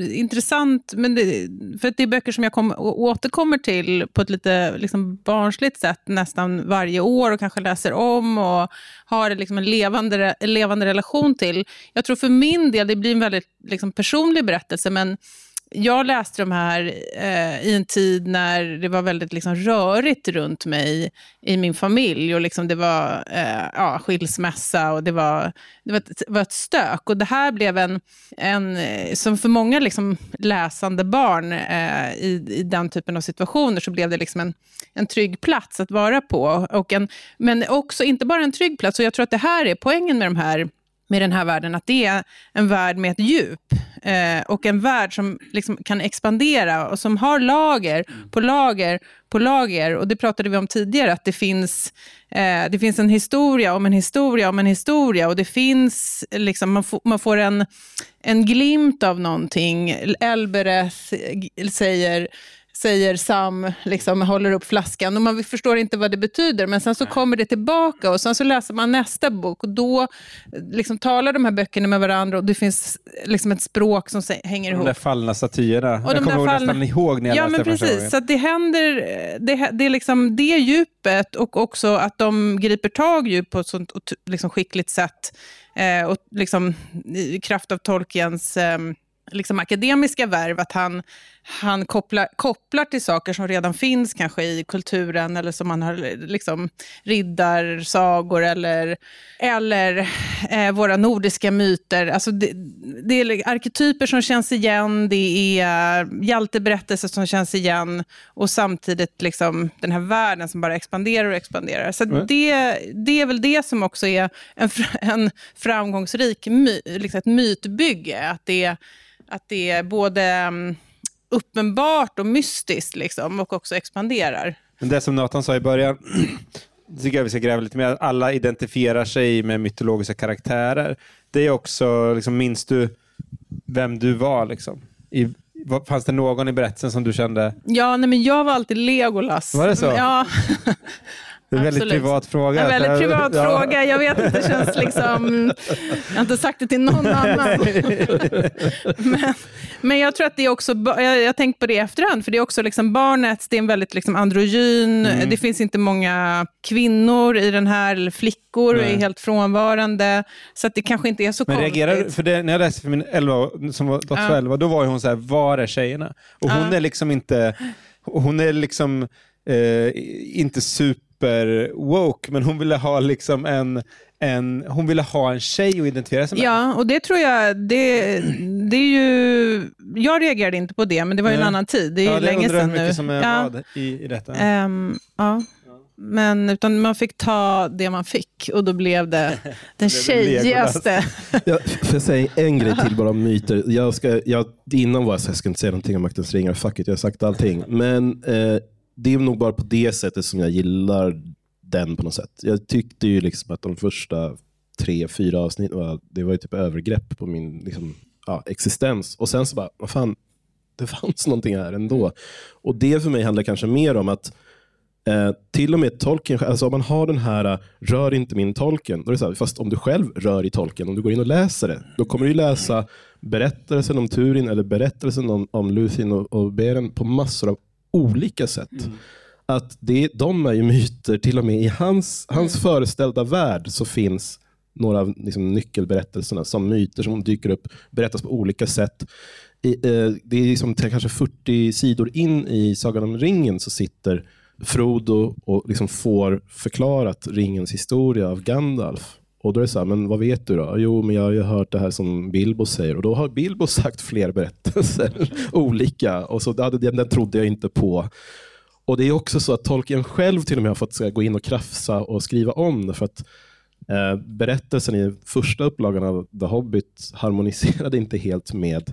Så att det är ju verkligen att så här, han vann ringen. Vad är vättar? Vad är orcher? Snälla. Och så vidare. Men, så att, alltså, det är det som jag gillar. Men jag tycker, om jag hade fått välja, hade jag velat att eh, liksom, Gilgalad skickar meddelanden till, till eh, Numenor på 800-talet i andra åldern? Ja. Hade jag velat att det 2000 år senare så bildas, liksom, eller 2500 senare bildas sista alliansen mellan alver och människor? Ja. Men nu är den i Saurons Amazons story och då finns det några element som de gör, gjorde ganska bra. Men egentligen, I don't know, det är mer att jag, bara, jag hoppas att det blir en bra säsong två. Men min poäng var väl just att, att uh, myter, jag tänker på liksom vem av oss förhåller oss, om vi läser Eneiden, men vad är det här? Det, är, det är så, så där står det inte i, i liksom Iliaden och Odysseen. Det här är en bullshit-version. Är det Amazon-produktion eller? Alltså att de här berätt, jag kommer ihåg när... Det var i och för sig Imperiet som var bakom det. jo, men när jag, när jag liksom var liten, jag kommer ihåg att um, den här uh, Errol Flynns Robin Hood gick på tv och så spelade vi in den och jag kanske kollade på den så här 41 gånger på VHS liksom, lördagmorgnar och tyckte det var skitbra. Sen så kollade jag på någon annan Robin Hood-berättelse som var från 80-tal. Liksom. Och då var jag så här, men så där var det inte alls. Nej, Lille John och Robin Hood de träffades ju inte så. Och då är det så här, men myter är liksom en berättelse som kan berättas på tusen ja. olika sätt. Och, eh, och Amazon har gjort det jättedåligt de första fyra. och så blev det några poänger på Och Det här är ju också när man talar om, om, om Tolkiens eh, som en eh, katolsk författare. Eh, att där har ju C.S. Lewis förstört så mycket i hur man förstår liksom, vad ett kristet författarskap är. För då är det så här, ja, vem är lejonet? vem är lejon? Vem är, vem är Judas? Vem är lejon? Allting är, är och, och, och, allting är liksom uppenbart. Och, och, men på något sätt så, här, så, hos Tolkien finns det en, en uppfattning av att världen liksom innehåller liksom de här djupa mytologiska tematikerna då, som är den, den innersta sanningen om världen. Och, och kristendomen är också en myt då. Han tycker att den är liksom mer precis än de andra, men, men, men liksom Norse mythology, eller som vi säger i Sverige, fornnordisk mytologi, eh, och, och det grekiska och allt, all, allting finns ju där. då.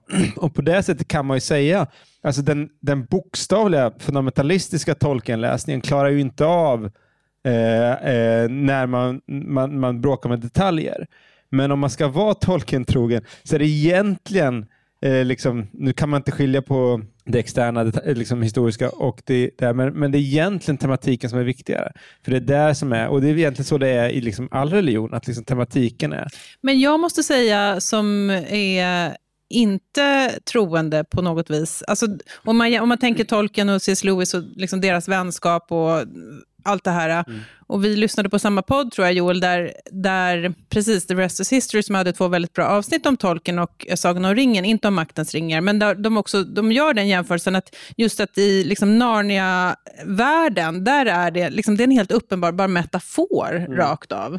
Det här är liksom, Aslan är Jesus och så vidare och så vidare. Men det som är ju poängen med tolken, det är att det inte går att göra någon enkel. Nej. Och han, han, han hatade det när någon mm. försökte göra en enkel liksom, religiös läsning eller tolkning av hans, eh, av hans värld. Mm. Och han liksom helt vände sig emot det. Och, och det, eh, det är också, tror jag, därför, därför jag tycker om de här böckerna så mm. mycket. Därför att det finns, jag menar, hans religion och vi pratade om det tidigare, det finns ju uppenbart där, men det är inte heller så enkelt, utan mm. det är en värld eh, som inte liksom är till för att beskriva något annat på ett enkelt instrumentellt sätt, utan det är, en till, det är en värld som är till för sig själv. Ja. Och det. det. är en stor skillnad och det är det som gör den magisk. Mm. Ja, men jag tänker att en på något vis viktig skillnad mellan C.S. Lewis och, och, och, Tolkien är liksom vad de har sin religion till. Och, och där är ju en av bakgrunderna att, att C.S. Lewis blev omvänd. Han var, han var ateist och, och, och liksom blev kristen. Och, han är liksom i mycket, mycket högre grad, vad ska vi säga, missionerande. Mm. han, har en, han vill ju liksom förmedla ett budskap. Han har ett pedagogiskt projekt. Åtminstone den där... Uh, först, ja, det är instrumentellt. Ja, ja. Det är till för det. Ja, exakt så. Uh, medan Tolkien försöker se världen på ett kristet sätt och beskriva en värld, hur det ser ut. Alltså han är jämförbar med uh, Marilyn Robinson eller något sånt här, uh, som inte heller liksom predikar i sina böcker utan presenterar verkligheten så som den ser ut om Gud finns i den.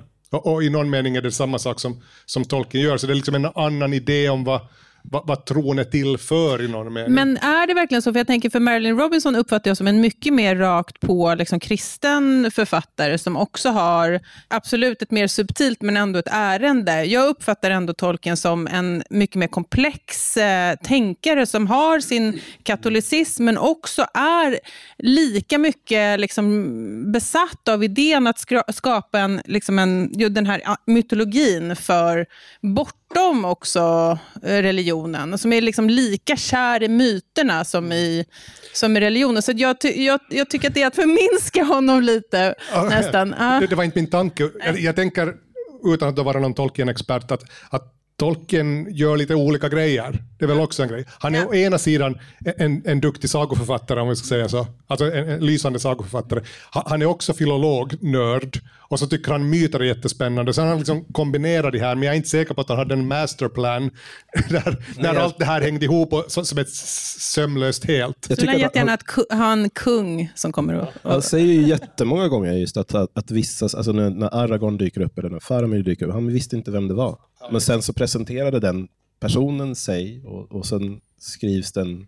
Alltså det är som att det karaktär som talar till Han säger det med, så här, eh, när han skriver det är väl till en präst han skriver, så man får fråga hur ärlig han är. Då. Men när han säger att det, är ett, det här är ett fundamentalt kristet verk, då, eh, då säger han så här, från början omedvetet.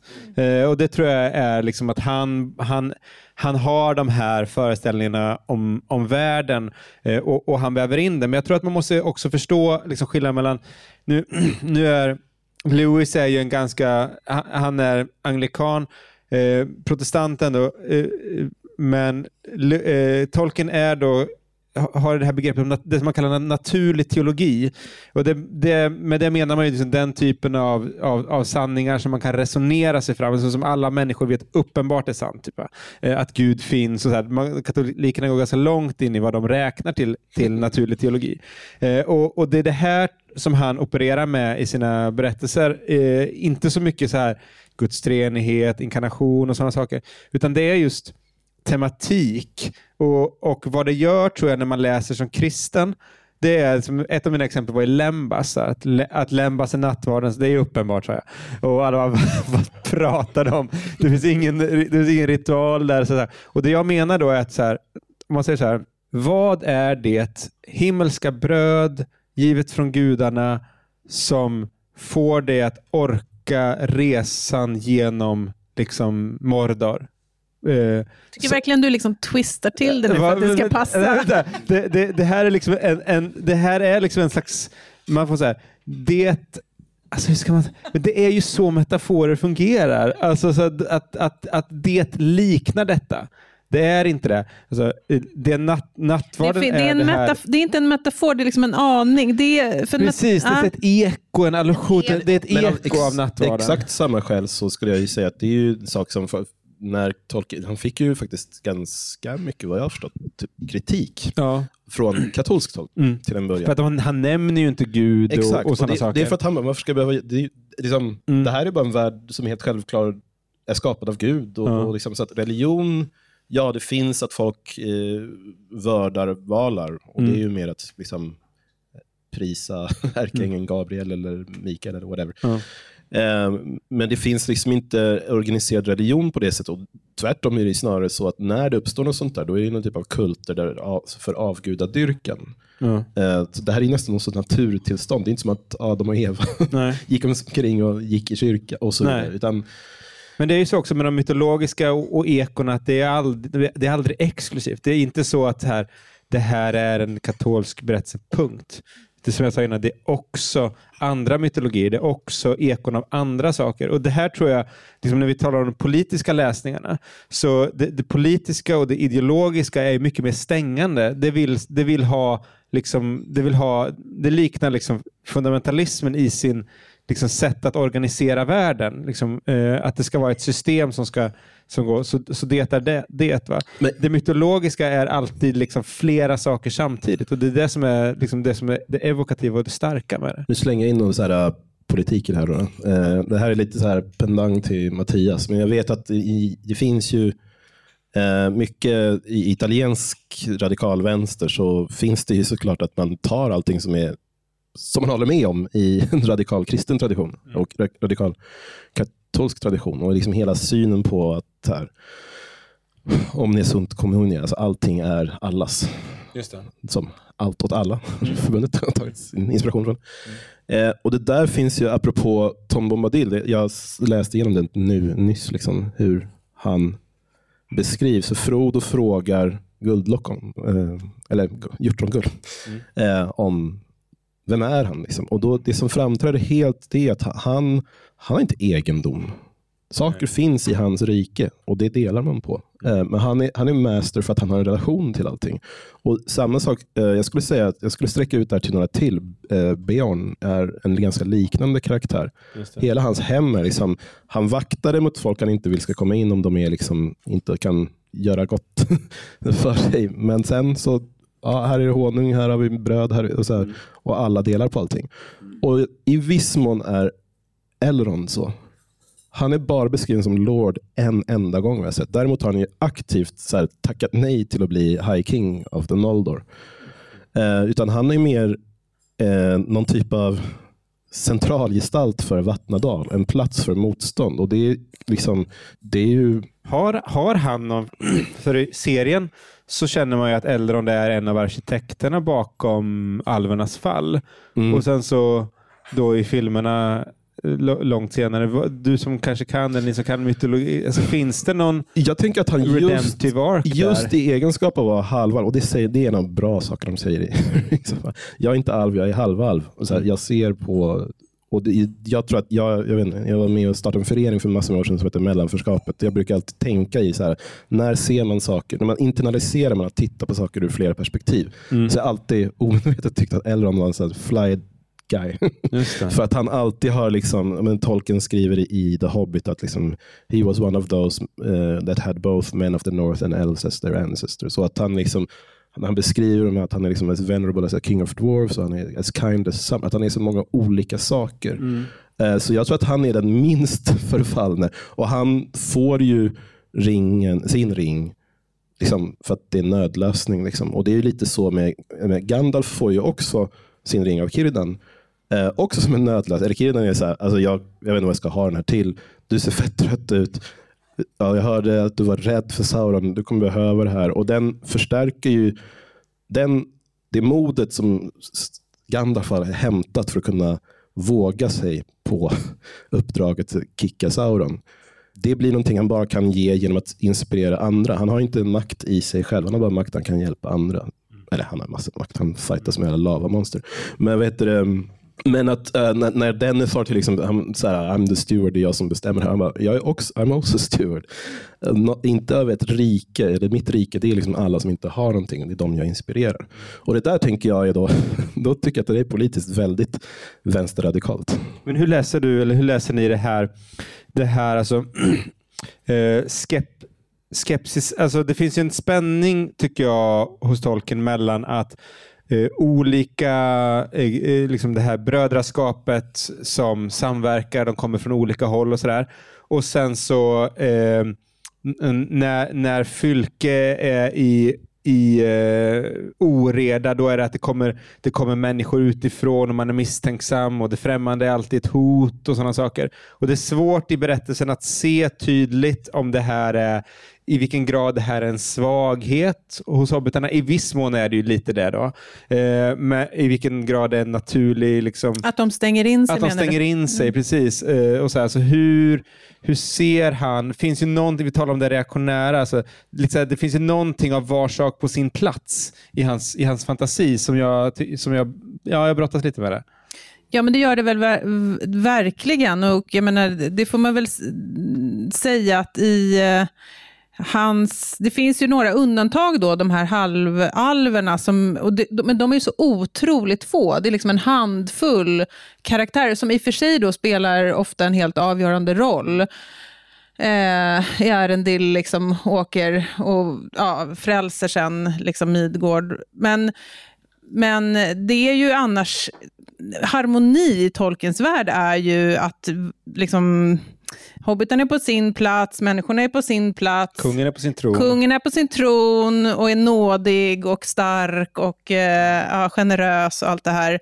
Eh, och Enterna är i sin skog och alverna, ja, så, att, ja. så, så får man ändå säga. Sen finns det väl ingen tydlig liksom, hierarki. Eh, och det, är ju, men, det här är ju ett helt forskningsfält. Mm. Eh, hur, ja, hur Tolkien såg på liksom, de här raserna gentemot varandra och den här geografin där liksom väst uppenbart är mycket bättre än öst och syd och så vidare. Nord och väst är mycket bättre än öst och syd och så vidare. Och samtidigt hans väldigt tydliga då, motstånd mot antisemitism och väldigt uttalat. Så han är en ganska komplex, eh, men på ett sätt komplex och på ett sätt en väldigt liksom, tydlig produkt av sin Tidstypisk, tid. ja, Tidstypisk. Men jag tror man, en intressant sak som jag, jag tänker, han var ju också en en alltså, akademiker som var formad av synen på liksom Europa, synen på religion i något slags liksom medeltidsperspektiv mm. nästan. Och att det, det är de här det är hela tiden han kommer tillbaka till olika arketyper. Det är liksom karaktärsdrag som renodlas. Hjälten, eh, hobbiten, liksom jungfrun, ja, dygderna. Och samma gör han ju med de här olika folkslagen som liksom representerar olika Men det, karaktärer. Men det går ju inte att komma ifrån att liksom vissa är bättre än andra. Ja, men sen finns det så här femherrarslaget och sånt där. Att det, är så det är de där gångerna där de kan enas. Ja. när liksom Ro, Rohirrim kommer till Gondors ja, undsättning. Finns... Eller... Men det är ju alltid kroksablarna från söder som är, ja. de är ja. lättast att korrumpera. Ja, men sen, jag bara slänger in det, det favoritparti som jag liksom stack ut mycket. Men att när, i, supertidigt i, i Fellowship of the Ring jag undrar vilken översättning har du? Du har engelska ah, grundtexten sorry, då, som vi sorry. säger. Ja, exakt. Det här är liksom katekes. Vad heter det? Nej, men, eh, så träffar de Gildor, ett sällskap av Noldor Alvar som liksom kommit från eh, Rivendell eller Imladris och som de ska till Grå hamnarna, men de bestämmer sig för att stanna för att liksom hjälpa. De vet till och med också, de har hört att så vi ska vara lite spana och sånt där. Och så då pratar Frodo med någon typ av liksom, lite så äh, Grönköpingsrädsla för det främmande. Och äh, att han är, jag menar, han är så less, rädd för de här svarta ryttarna och liksom, I wish it would never happen in our time, säger han nästan, fast lite mildare. Uh, och att det ska komma till oss. Liksom. Då säger But it's, it's not your own shire. So, others dwelt there before hobbits were, and others will dwell there again while hobbits are no more the wide world is all about you and you can fence yourselves in but you cannot forever uh, fence it out. Mm. Alltså just att han är han tycker också att det är liksom en jävla puckad syn och tror att man kan hålla saker borta. Ja, absolut att han har någon grad av var sak på sin plats eller liksom om det är The Men of Dale lever i eller Esgaroth mår bra för sig och sånt där. Men det är ändå så här, det är ohälsosamt att inte ha kontakt med varandra. Och att när Casa har fallit och Lothlorien liksom stänger gränserna. Det är någon typ av det är otrons år, när man inte tror på de andra. Och Det är liksom Saurons bästa kort på något sätt.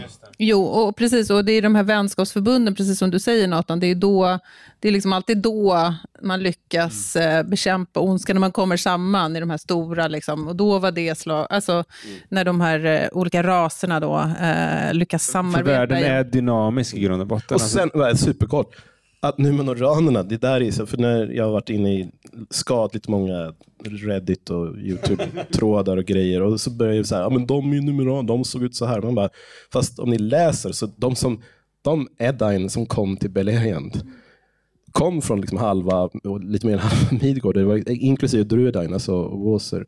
Så att eh, tidiga Numenor var nog ganska, om vi nu får vara så, det var nog ganska så här politiskt korrekt, mångkulturellt och jävla United Colors of Benetton-reklam. Sen kan jag tänka mig att på Elendils tid, då kanske alla såg exakt lika, för att de hade blandats. Men, och de, de hade framförallt blivit en egen kultur. De såg ju sig som numenoraner. Och, och sen ser de sig efter det som Dunedain och så. Men att jag tycker inte det de kommer ändå till Midgård, är liksom längre än alla andra. ja, de är lite olympiska. Liksom. Ja, de är lite olympiska. Jag tänker att det är ju en, en platt poäng att göra, men den kanske ändå är viktig att påminna sig om att, att man måste i något skede bara välja.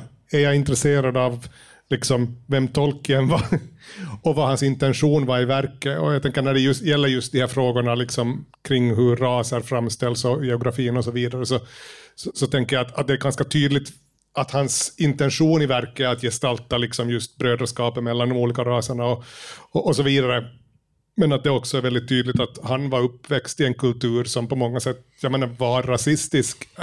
och, och, det syns i hur han har gestaltat den här världen mer eller mindre medvetet. Liksom. Men så slänger han in som en sån sak att så här, Rohirrim som är, förutom hobbitarna då, och kanske är det väl typ Tolerace eller så, som ska vara, det är mest liksom England. Eller, eh, de, han tar sig tiden att gestalta att de är så styrda av sina fördomar så att de jagar wåserna som någon typ av liksom, djur. Mm. Och det är den ignoransen som kommer riskera att kosta dem allt. Men när de då kommer över sina fördomar och pratar med Ganburigan och får ledas en väg så att de kan komma fram till Minas Tirith i tid. Det är att de överkommer sina liksom, fördomar som mm. gör att de inte dras ner själva. Och sen efter kriget så, liksom, så förlänas Våsorna, liksom, det här är er mark och ingen ska fucka med det. Och Aragorn, även han liksom välsignar det. Så det, det här säger jag inte så här, som att så här, ren två tolkar, jag tycker inte det är så intressant. Jag skrev förut så här, alldeles obscent för långt om Hergé, om att hur mycket han har gjort massor av strippar och serier som är liksom, bygger på rasstereotyper. Och han har skrivit otroligt starka antirasistiska verk och det är samma person. Mm. Uh, och han, har liksom, han var jättedriven av katolicism och han hade värsta ångesten för att han liksom skildrar uh, någon typ av altruistiskt självmord när det var det. Och, och liksom. Mån, mån. Men det här är ju i princip samma diskussion som vi har om Astrid Lindgren och så vidare. Alltså jag menar, det dyker upp det dyker upp saker. Vi har mm. inte, inte, en författare har inte en fullständig kontroll över den värld den skapar heller. Och, och ja, det är väl inte så dramatiskt egentligen. Mm. Nej, men jag tänker en annan, liksom på det temat så är ju ett annat spår såklart den här väldigt starka manliga mm. vänskapen som ju också man kan spåra tillbaka till hans, liksom Tolkiens eget liv med en stark eh, kärna av vänner i sin ungdom, liksom exklusiv självklart då, eh, liksom en manlig klubb och så, han har sin, så har han då sin, sin fru som han älskar, som han träffar i väldigt unga år, som är hans livskärlek och som han är liksom trogen. Och, så det är ju det här, hans livs hans livs värder, värderingar speglas ju självklart i hans eh, berättelse på, eller i, ja, i hans mytbygge då, på många sätt. Och, men det är ju intressant med den här väldigt starka liksom, eh, homosociala kärleken, mm. eh, som ju är en förutsättning också för för hjältarnas framgångar. Mm. Eh, och som är både liksom väldigt varm, väldigt stark, väldigt exklusiv, väldigt eh, underbar att, liksom, att läsa om. Vem vill inte ingå i ett sånt, i ett sånt brödraskap? Men det är ju ett brödraskap. Mm. Vagt relaterat då, så plocka upp, apropå det du och, och, ja, du och Ivar pratade om kanske. Eh, alltså just om, om alla på något plan är Boromir. Och det är ju sant kanske. Att, eller vi alla kan falla. Men då är ju då har ju tolken genom Gandalf då kommit med vad är receptet då? Jo men då är det nåd. Därför att Frodo klarar ju faktiskt egentligen inte heller. Det är bara att han faller på målsnöret vid Barad eller liksom vid Orodruin.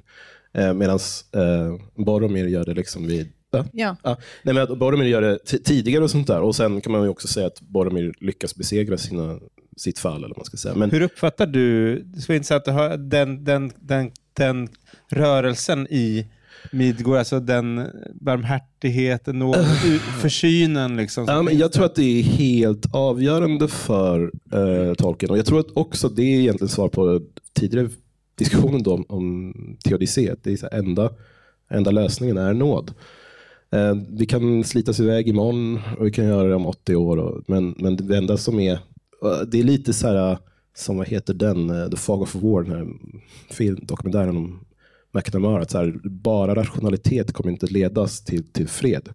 Det måste finnas något mer och då menar han att liksom, den här, också jag tror att Tolkien trodde ju jättemycket på någon typ av vad säger man, divine providence, alltså gudomlig försyn. Eh, men, men att, eh, att Frodo faller, men eftersom han ända fram till sina fall, fallet kommer har visat Gollum nåd och tror på något plan på Smegol.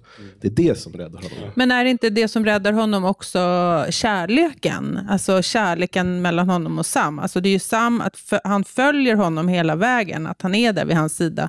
Det är ju också brödraskapet, det är liksom solidar... Jag, Ja, ja. Det här jag är Bamse liksom. nästan. Ja, men jag menar att det är solidariteten i, eh, mellan, och vänskapen och kärleken som, som räddar honom snarare än... Eller ja, självklart. Eh, Jag, jag tolkar det som att liksom relationen till Gollum är ju, där finns ju både fallet och nåden då. Men det, utan Sam hade han ju inte Ja, väl- eh, tagit sig någonstans. Det är väl just det som är poängen där. Alltså det, nåden eller det goda eller kärleken visar sig både i, i, i, i Sams trofasthet och i Gollums svek. Och, och liksom där, att den där bilden får vara så där komplex. Det det är väl just där som poängen finns, att alla de där komponenterna behövs där för att det ska kunna leda fram till Frodos uthållighet, fast han inte når ända fram så att säga. Sams, liksom att han, han bär honom sista vägen rent fysiskt. Och, och sen att det, men sist och slutligen är det ändå Gollum som krävs för att ringen ska bli förstörd. Att, att, uh, vilket visar att, att liksom inte ens godheten själv räcker, utan till sist behövs det också någonting till. Och jag tycker det här är liksom en, ja, men det, det är en fin sak att ta inför liksom klimatförändringen. Kanske behöver vara solidarisk och bära en viss vikt. Sen måste någonting hända. Vi behöver eh, släppa in för frågor nu, om det finns några frågor eller reflektioner så att vi håller... Jag, bara- jag tänkte på Löfte. en sak om Orcher. Nej, men jag snubblade över, för jag har grubblat på det. det ju, jag ska inte säga att det här motsäger Orcherna som Tolkiens svaga länk, men i, i um, Morgoths ring eh, så står det en bit där det är så här, eh, att um, orcs must be fought with the utmost severity. They must not be dealt with in their own terms of cruelty and treachery. Captives must not be tormented, not even to discover information for the defense of the homes of elves and men. If any orcs surrendered and asked for mercy, they must be granted it, even at a cost. This was the teaching of the wise, though in the horror of the war it was not always heeded. Och det där gestaltas ju hur Galadriel håller på att tappa. Liksom. Men, så att på något plan tänker jag att orcherna finns där också för att påminna alven om att ni har ondska i er om ni går över, om ni inte kan visa nåd mot de här också. Och det är ju samma med Aragorns nåd mot eh, Smegol, eller mot Gollum. Ja. Ehm, och att de bevarar honom, fast det hade varit så lätt att Mm. göra sig av med honom. Ja, men tack. Vi tar och tar ett, en eh, pausar det här samtalet här. Men finns det några frågor? Vi har en fråga här. Mm. Tack. Um, vi ska se om jag kan få det här till en fråga. Men vi, dels, förra sällskapet kunde ju inte slippa undan Tom Bombadil. Det får inte ni heller. Men jag tänker så här, ni var inne på lite det här med fylke. Kan man stänga inne sig, stänga ute och så. Jag känner att när de lämnar Fylke så är det som att de behöver komma så, alltså de hinner knappt lämna Fylke innan de verkligen möter världen och kanske alltså några av de största mysterierna i hela sagan. Liksom. Alltså, den gamla skogen, Bombadil, de här gamla, liksom, urgamla gravarna och ruinerna som man liksom känner att så här, det här är nästan inte ens ruiner längre. Det här är liksom det uråldrigaste av allting. Att, liksom, att, att det där är viktigt i berättelsen. Att, att, att, att, även Bombadil, att det finns de här mysterierna. Liksom, att det är lätt att säga att ah, men, ah, sen finns det alla de här liksom, grejerna som gnager på, på världens liksom, ben. Och, och, även Druidine, liksom, de här mysterierna som nästan inte riktigt får utrymme. Jag tycker att det nästan är det här som man på något plan, jag skulle vilja se det i filmerna, men det är det första jag kan förstå att Peter Jackson tar bort därför att det inte liksom, ytligt sett för inte berättelsen framåt så mycket. Men däremot så förklarar det ju, men Gandalf säger när de är på väg in i, i Moria och de har liksom väktaren i vattnet har gått loss. Att liksom, there are fouler things than orcs in the world. Och framförallt menar han kanske någonstans att det, finns ju en, en typ av tendens att fetischisera ondskan som att det är så här Sauron som är kärnan av det, eller att det förändrar en Melkor. Och någonstans menar väl att det finns gott och ont finns liksom lite överallt och det finns det föregår på något sätt. Även om urfallet kickar igång allting så finns gott och ont på andra platser. Eh, eftersom jag nästan inte sagt någonting om de här böckerna under det här samtalet så tänker jag ändå att Tom Bombadil är intressant just för att poängen med honom är ju att han inte ingår i den verklighet som de andra gör.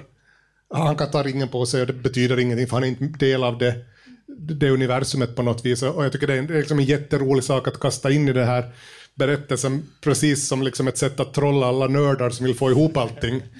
Um, ja, ja, ja, ja, ja, jag identifierar mig starkt med Tom Bombadil. Trollar ja, där har, ja, just det. Mm. Nu har jag faktiskt en fråga, Joel.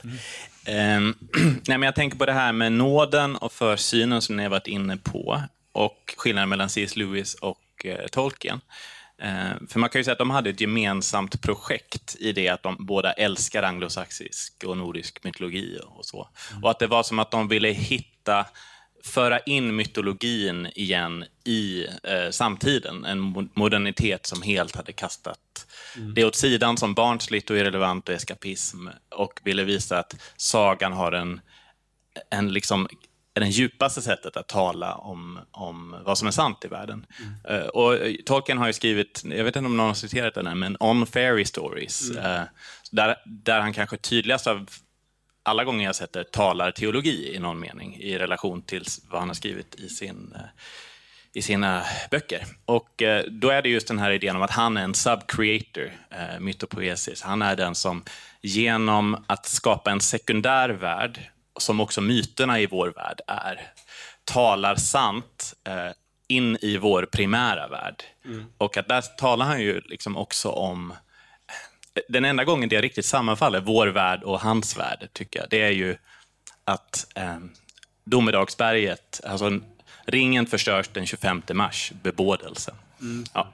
Jag bara lägger det där så får ni göra vad ni vill med det. Men det, det finns också en, ett brev, eh, en, en text som Lewis skriver, som, som tolken återger i ett av sina brev, som, som är då om myternas betydelse, också som, som på något sätt knyter in liksom den mytologiska aspekten eh, där, där, där, där Louis säger att den som inte tror på de här gamla myterna, berättelserna, pratar specifikt om Bibeln, eh, den, men, men som, som läser dem och så lever i dem, får ändå någonting av moralisk vägledning, näring för själen. Så här. Det är nästan bättre eh, än vissa då kristna som, som läser de här berättelserna eh, och, och, och, och, som, nej, eller som säger sig tro på dem men inte verkligen tar till sig dem.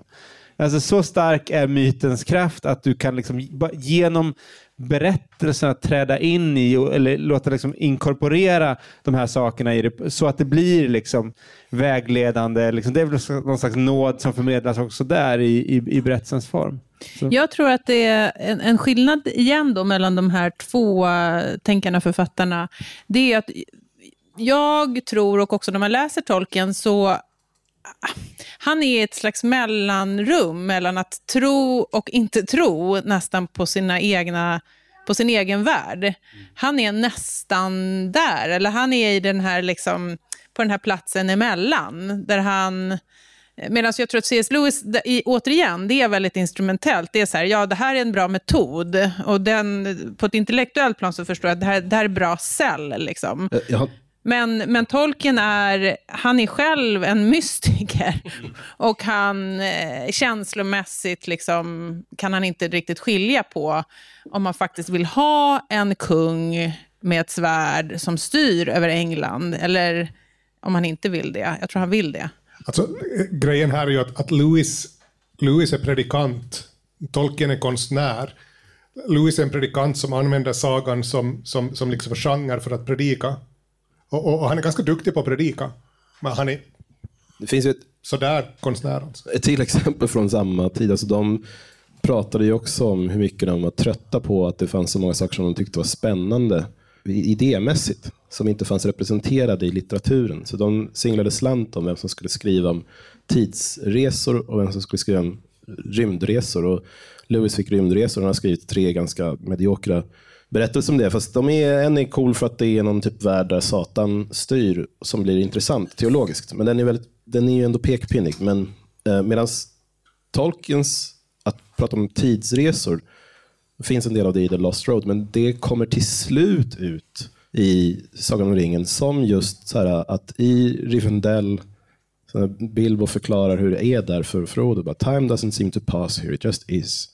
När de lämnar Lothlorien så har de varit en plats där tiden inte går som den normalt gör. Och det är för att alverna de vill inte släppa taget. Så att, eh, Sam, varför, varför liksom, eh, månen ser ut så här? Vi måste ju varit här i en månad, bara gått några dagar. Och det, så att, eh, jag tänker att, alltså jag håller med det du säger om att tolken på något plan var emot kanske vissa dominanta modernistiska liksom, tvångströjor. Men han var inte rädd för att utforska sånt heller. Alltså typ eh, Louise Borges eller Graham Greene. Det var ganska många.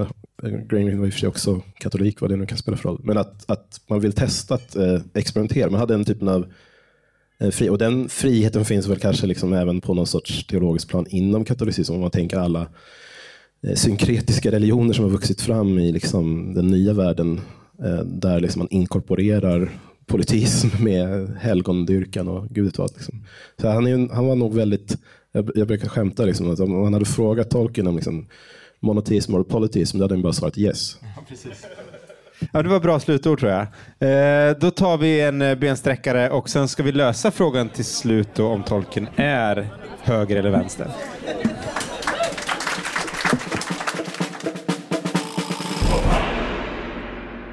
Då är det frågan om den, den politiska frågan eh, i, som vi har kretsat kring under hela kvällen. Och Ivar, varsågod och sätt igång, eller kanske till och med rivstarta oss nu när vi går mot slutet. Ja, jag ska presentera mig då, Ivar Arpi. Det här är min podd Rak Höger, säger jag till de som lyssnar och inte är här. Och jag har också en eh, berättelse om hur det här gick till. Jag tog kontakt med Nathan Hamelberg och eh, Mattias Våg och tänkte att de skulle vara med i min podd. Men det ville de inte, för att eh, det blir så mycket bråk på Twitter med deras vänsterkompisar när de är snälla mot mig. Eh, sen spelade de in eh, en podd om tolken och sen så gjorde vi en svarspodd då för vi blev så kränkta när de tog upp oss. Och sen så tog jag kontakt igen efter det och då var de på och sen träffade jag dig, sprang på dig på perrongen. Och då bara hijackade du alltihop. Så, bara, så mejlade du mig bara, jag har, fixat det jag har fixat det här med NAV, det kommer vara tre poddar, jag har tagit kontakt med andra människor. Så, där, så att det blev liksom din, eh, du bara tog Ja. över allting. Ja, ja, Ja. det är så jag gör. Ja, men det var jättebra. Då blev det, blev, det, blev det av i alla fall. Men jag tänkte, eh, vårt gräl gällde ju då liksom hur man ska tolka, eh, tolka tolken. Vem har tolkens företräde? Det var min, mitt förslag på rubrik. Den göteborgska rubriken. Som inte klarade katten riktigt. Men... Ja, precis. Ja, men, eh, och jag skulle vilja fråga då, eh, Mattias, för du har ju bakgrund eh, liksom inom anarkismen, bakgrund och Ja. framtid inom anarkismen. eh, och det jag skulle vilja veta egentligen att du skulle få lägga ut texten lite grann om eh, hur, du, liksom, hur man då som anarkist kan eh, ta, ta tolken till sig. Och sen så kan vi väl ta det därifrån lite grann. Mm. Och det här hänger lite ihop med att, eh, att jag bott i Italien också och där har det varit en väldigt stor kulturstrid kring tolken och därför också kommit en väldigt så här, intressant vänsterläsning. Så jag läste ju tolken som, som ung liksom, eh, tonåring, läste jag hela Ringen-trilogin tre gånger på raken. Och sen har jag liksom inte rört den knappt sedan dess. Och efter det här Italien, när jag läste de här grejerna, då, då återvände jag och liksom började läsa tolken igen med nya glasögon kan man säga. Och det intressanta är ju då att den här sammanställningen med breven kom så att man fick, eh, den kom på svenska eh, som gav en mycket mer insyn i, man fick stiga in i tolkens laboratorie, hur han fungerar eh, och han, hur han byggde sin värld. Och sen så ser man ju också att eh, han, inte bara att han var eh, filolog och skapade språk, han var intresserad av, av myter, utan det han gjorde som akademiker, det var ju väldigt lite att han satt och skrev på akademiska texter. Han släppte några snabbt, och sen fick sin professorplats och sen satt ju han och liksom körde sina... Så han ägnade sig ju egentligen åt en form av fanfiction, där han liksom läste Beowulf, han läste de klassiska liksom, eh, fornnordiska fornordiska berättelserna, Artuslegenderna och så och skrev om dem och satt och skrev i de egna versmått liksom, som, eh, som, som om han hade skrivit dem och försökt återvända till dem. Och då när man tittar på det där, vad han skriver, så lyfter han en väldigt så här, frihetlig, kritisk tradition som inte riktigt förknippas med det här, liksom den klassiska hjälteresan, hjälteberättelsen, utan det är hela tiden om där hjälta, hjältarna i de här fornnordiska berättelserna någonstans måste ut på slagfältet, visa sin kraft, försvara sin heder och dö på slagfältet. Och i Beowulf-sagan så finns en kritik i det och i alla de berättelser Tolkien plockar fram så, så börjar man se den här röda tråden och då blev det spännande att liksom gå in och läsa den här röda tråden. Finns den här maktkritiken i Silmarillion? Finns den i Sagan om ringen? Och så läser man hans egna brev då som han skriver där han går in och deklarerar så här, men om jag ska beskriva mig själv så är jag anarkist. Och med anarkist så menar jag liksom att jag skulle kanske vilja ha en monarki, men en icke-konstitutionell monarki där det sitter någon gammal dement kung som gillar att spela på hästar och kolla på TV, men egentligen inte har någon makt. Så, så men då, då tänker jag så, så det där är den anarkistiska liksom, ådran eller det frihetliga, vad man nu vill kalla det. Men jag tänker det finns ju en annan läsning. Jag tänkte vi ska, jag ska släppa in Joel och Nathan också, men Eh, någonting som jag vet att du har, på grund av var du befann dig då, eh, och som nu när vi har sett till exempel med eh, eh Giorgia Meloni som vann valet med, sitt, eh, med sin högkoalition i Italien nu. Hon säger ju att de, hennes två stora inspirationskällor är framförallt tolken men också Roger Scruton. Och hon har ju citerat tolken i eh, nästan varenda tal hon har hållit, som jag har förstått. Jag är ingen expert på italiensk politik, men eh, andra har sagt det i alla fall. Eh, och jag har sett det själv. Men eh, hon är ju då, eh, får vi säga vara utom allt tvivel, åtminstone eh, är hennes parti arvtagare till fascistpartiet. Och det finns då den här striden som du pratar om, där fascister i Italien har eh, också gjort tolken till sin. Och hur, hur mm. tänker de då? För det borde ju inte gå ihop med din läsning av... Nej, nej. Och det, det de tänkte, det var ju Tolken översattes till italienska i, i slutet av 60-talet, runt 68. Och 68 fick Italien liksom en nyfascistisk rörelse som blev stor på 70-talet. Och de försökte hitta ett nytt språk som inte var historiskt belastat men ändå innehöll symboler som byggde på någon form av tradition. Och då, då hittade de de här böckerna som hade översatts av en 16-årig ung tjej som hon lever fortfarande idag, högsta grad inbegripen i de här kulturstriderna kring tolken idag också. Men eh, ungefär samtidigt som punken exploderade i England så kom det liksom en fascistisk höger alternativ musikscen där alla banden kallas för Ringens brödraskap, festivalerna heter Hobbitlägret och så. så att de gjorde det här, tog det här mycket till, och det innebär också att det var så big no-no inom italienska vänstern att läsa Tolkien. Så här. Men det var mycket så en fråga om symboler. Här finns örnen, hjälten, svärdet, konungen som återvänder, traditionen, hedern. Det var de bitarna som de lyfte. Jag vet ju att du, eh, nu ska jag outa dig här, men du har ju varit eh, osunt eh, intresserad av nordisk mytologi och blivit utslängd ur ett anarkistiskt sällskap för att du hade så mycket runor och grejer på dina kläder. för att det här, och det var mitt under pågående vikingarocksvåg. Ja, så hur kan man vara, om man är så här, har så här mycket runor på sig, pratar så här mycket om orden och Tor, då kan man inte vara en rättrogen vänsterextremist. Fast... Var det så? Ja, ja men jag, jag, fick ju ihop det där till slut. Och, de här och nu sidorna. sitter du här. och nu sitter jag här. Så, ja, men jag tror att tolken var en uh, nyckel där liksom, för att förstå det här. Att det finns, det finns en annan uh, det finns en hjälte, en kritisk tradition i den som kritiserar den här hjälten. Och det, det kommer vi väl säkert in på sen, liksom hur det här hänger också ihop med Tolkiens egna erfarenheter av att delta i första världskriget och den hjältemods... Eh, hur den där hjältemodssynen som hjälten som rusar upp och ska stå där i stålstormen, hur det liksom krockar med en liksom massmord på unga pojkar som det här de facto innebär. Liksom. För du, du var inne på det förut Nathan, med att den här eh, hjälte, eh, alltså hur, hur Tolkien gör om hjältemyten. Om du ville utveckla det, sen så tänkte jag att jag skulle ta spjärn mot er. Ja.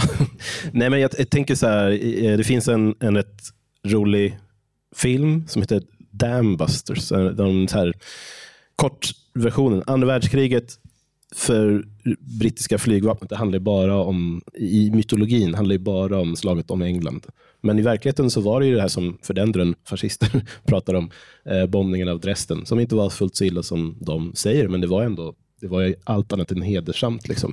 Så att det, här är ett sätt, om man ska prata om något hjältemodigt, då hittar man den här eh, när de försökte bomba de här eh, dammarna i, i Nederländerna för att skapa så här, att man skulle få här, hela industriområden att bli översvämmade av vatten. Och så var det några som gjorde en heroisk flyg, inflygning och släppte. Så här, och det var liksom, då kunde man ha en hjälte som var vetenskapsmän som har byggt de här studsande bomberna. Liksom. Och det här är för övrigt en av förlagorna till eh, inflygning mot dödsstjärnan i, Star Wars. Och vi ska fortsätta på mytologispåret.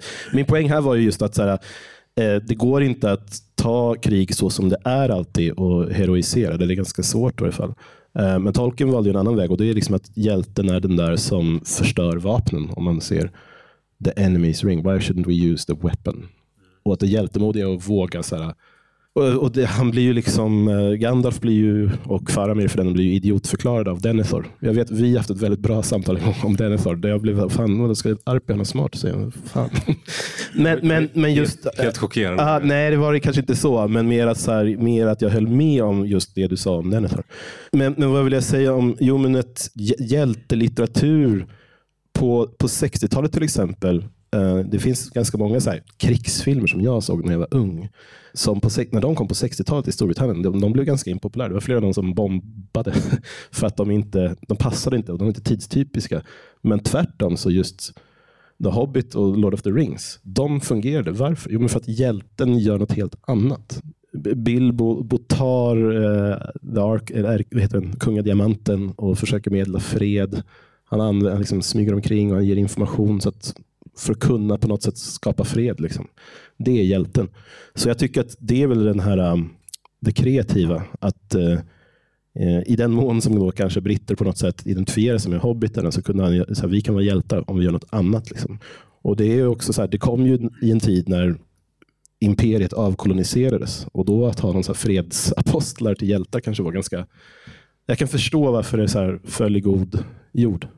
Jag tror att den här eh, en anledning till att eh, tolken talar, till, kan tala både till anarkister och till fascister är just den här, det, det är egentligen som, som ni var inne på i förra, förra pratet, eftersom allting går in i varandra, men det är att mytologin är öppen så du kan inte gå in med en uppfattning om världen och ta dig ut oskadd för att det, det pågår för många saker samtidigt. Så du kan liksom inte vara konservativ och läsa om eh, eh, alverna eh, eller om Gondor utan att bli utmanad. Men du kan inte heller gå in i det och tänka att man ska leva det lilla livet och det räcker för att hela världen ligger runt omkring som det citatet du tog upp. Och du, du, du kan inte heller, skulle jag säga, gå in i det och tro att liksom, den här pacifistiska vägen eh, är den enda vägen. Det, det är liksom en del i det. Och det, det är väl det som gör det till en, den här, eh, att det kan ha den kraften. Men jag skulle vilja ändå utmanar den här synen också på då, eh, Tolkiens syn, hans kritik kanske, eller hans trauma från första världskriget. En eh, samtida författare var ju Ernst Junger eh, som eh, inte har samma anseende för sin skildring eh, i Stålstormen. Men om man läser brev från de eh, som var med i första världskriget, så många av dem hade en annan upplevelse än vad eh, kulturmänniskorna som, som beskrev det, konstnärerna, författarna, Eh, de tongivande intellektuella, de hade en erfarenhet som de skildrade. Men människor som skrev hem om det här kriget, de fann mycket mening i det. När man skildrar de här breven, människor som har läst deras brev, vanliga soldaters brev. De såg sig själva som att de gjorde någonting meningsfullt, även om det dog människor i drivor. Eh, och så att det där finns också en, en, en eh, vad ska man säga, om man sätter tolken i sin kontext eh, så är han ganska tidstypisk i att han är kritisk till den här massan, till maskinerna, men frågan är om, han är, om det är sant, det han beskriver där också. Alltså det, och det ligger väl egentligen utanför hans verk också. Då. Det har å, återigen så har det att göra med eh, om det går att använda ringen till något gott. Då, liksom. Om man skulle fråga någon samtida som eh, Ernst Junger eller någonting så skulle de antagligen svara ja på den frågan. Men jag tänker att den liksom, politiska frågan är ju, är moderniteten då, tolken mot, alltså, och maskinen, är den liksom djupast sett första världskrigets skyttegravar och Auschwitz gaskamrar? Eller är den också välfärdsstaten? För det är också liksom, organisation, byråkrati, teknik, eh, liksom, massor investeringar och sådana saker. Alltså, och, och, och då, kan, då, då, kan man säga liksom att, att ja, men du kan också ta den här makten Eh, liksom, och, och atomkraften och allting. Du kan spränga bomber i Hiroshima, men du kan också ge liksom, billig el till, liksom, eh, till, till ett helt land och sådana saker. Så att det, det, det finns ju en... Alltså, eh, eh Tolkien blir, blir liksom politiskt kategorisk på ett sätt som där, där, där han liksom av liksom, han menar att det inte kan komma något liksom, gott ur systemen och där får man väl ändå liksom det, liksom, där, där, får man väl ha en, en, en nypa salt när man läser dem. Även om jag, eh, för mig var liksom den politiska ingången till tolken mycket att, att, att eh, liksom, när jag läste den första gången så läste jag, då var jag 13 tror jag, så då, då såg jag inte, det var, det var en spännande berättelse. Men sen när man började återvända till det i vuxen ålder, då, då var det ju liksom de, det kommunitära. Eh, alltså de, de små byarna, gemenskaperna, banden och så och hur det storskaliga hotar liksom, det småskaliga livet. Så Det tycker jag fortfarande är liksom en existentiellt viktig poäng. Sen är det lite svårt att göra liksom, tydlig partipolitik eh, av det. Jag tror att det finns i alla fall en, en sak där han är väldigt övertydlig eh, och det är ju i eh, det som inte är med i den ursprungliga trilogin. När eh, de återvänder till Fylke och Fylke har blivit en slags eh, ja, totalitär stat, på väg att bli en totalitär stat. De har inte nått, gått hela vägen och han skildrar just förloppet och de här hoberna då som kanske i början man får den här känslan av att de är ganska goda och motståndskraftiga. Många har blivit medlöpare med, med makten. Saruman har blivit eh, liksom någon slags partiboss, tagit, tagit över där och de tidigare medlöparna, en del av dem har blivit avrättade kalasträdet är upprivet med rötterna och sådär. Och Det där är en ganska övertydlig kritik av det han såg som kanske eh, välfärdsstatens fram de här totalitä totalitära ideologierna. Någonstans ser det också en kritik av politik som verksamhet överlag. Och, och jag skulle vilja höra lite vad ni som ägnat er åt mer, kanske mer handfast politik så här, men på vänsterkanten, men att om ni håller med om det, men att han kritiserar liksom hur politik vill göra människor till verktyg för ett slutgiltigt mål. Och det, det uppfattar jag som en tydlig kritik där tolken säger stopp hela tiden till, till de här sakerna. Får man ta ett samtidigt ord? Jag tänker att han hade nog ingenting emot typ aktivister. Men han hatade, alltså tar du eh, den här, um, vad heter han, eh, rådsherren eller vad han är i, i Sjöstad.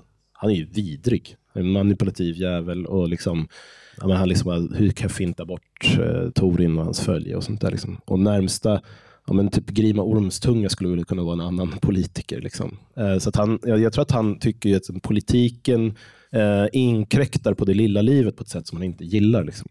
Och det kan man ju, det kan man ju både argumentera för ur ett konservativt perspektiv, eh, ur ett eh, anarkistiskt perspektiv, eller frihetligt socialistiskt som man kan säga, det går till och med ur ett nyliberalt perspektiv, men det är ganska svårt att göra ur ett liksom, så här statskommunistiskt eller för den delen fascistiskt, tycker jag. Det är det som blir lite paradox. Men sen tänker jag att, mm, jag hoppas man inte blir citerad fel här, men fascism idag, om vi nu pratar om det, vi vet en jättelång diskussion, men vi tar den. Vi tar, ja, vi tar den vi kort. Den. Nej, men alltså den, liksom, som, som någon typ av partiverksamhet i stora partier. De är, skitsamma, om de är sprungna ur fascism i alla fall. Och vi pratar inte om så sekter alla NMR. Då är det ju det de har ju en viss frihetlig retorik ibland. Alltså det, de skulle vara omöjliga annars, tror jag. De kan inte prata på samma sätt som Alltså det som typ MSI sa på 50-tal. Italienska ja, eh, fascistpartiet. Det skulle ju liksom inte flyga. Det, det, är någonting med hela den här diskussionen ikväll, en recension av er andra och kanske av mig också. Där jag tycker att eh, det blir en kastrerad version av Sagan om ringen. För det finns någonting i den här berättelsen som också är, jag tror inte att den hade funkat om det hade varit Harry Potter. För där har du liksom, det är en trygg värld på väldigt många sätt. Eh, och de delarna av tolken, det är inte, det är inte en trygg värld eh, riktigt. Och det finns någonting i de här karaktärerna som är farligt på riktigt. Alltså det är Gandalf, alltså det finns far, en fara med de här människorna, eller med de här personerna som är, inte är eh, bara är mys. Det är inte bara liksom att man dricker öl och så här, skrålar eller sådär, utan det finns eh, de förlorar sig själva och de kommer aldrig tillbaka och du tappar allt hopp. Och sen om du, om, om, även om, om, om världen kan återfå någonting så kommer inte du få det. Och den här den liksom, tragiken i den här berättelsen och också att det kan gå på ett annat sätt tror jag också finns, en, en, även om det inte gör det. Men att det, det är väldigt nära katastrofen. Den, det där tror jag är också någonting som gör Alltså, om, om, man, om, man är liksom, om man vill hitta den här, det gamla heroiska så finns det.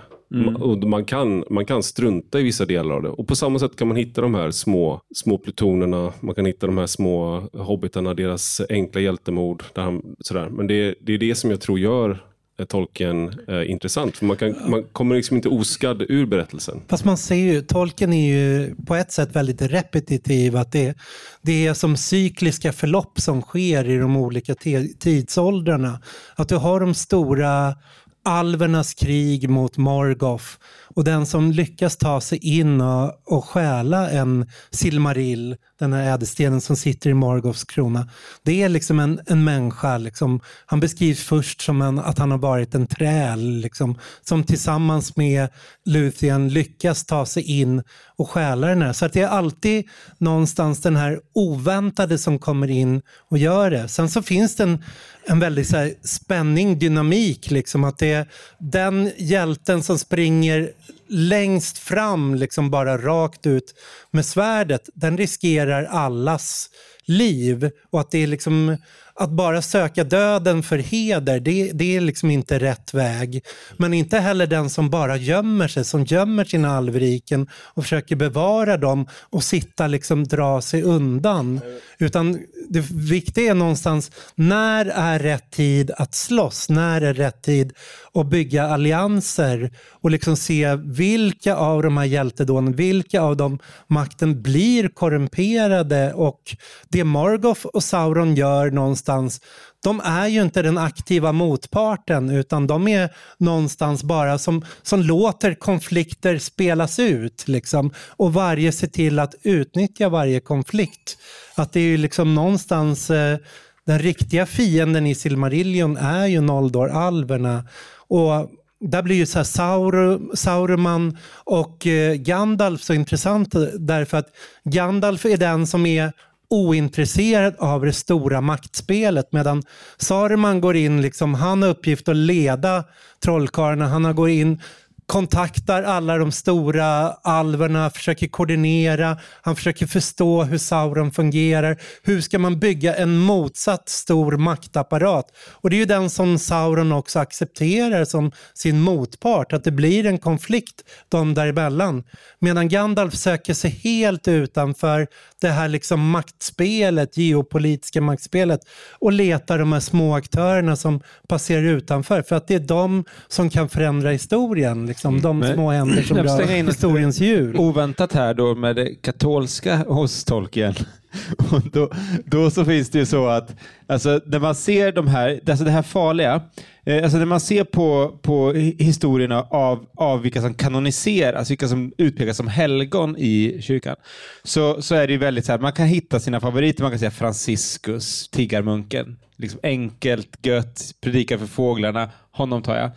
Eh, och man kan, man kan hitta många av sådana här öken, ökenmunkar som går ut i öknen och sådana saker. Men du får också Konstantin där. Liksom. Eh, den, den obesegrade solen, eh, krigshjälten, liksom det kristna imperiets skapare. Du får liksom korstågs, korsriddare, du får många sådana. Så här. Och, och då kan du det här uppfattar jag ligger i din fråga Ivar, så här, du kan ju pick and choose och säga så här, men jag tar de hjältar som jag gillar.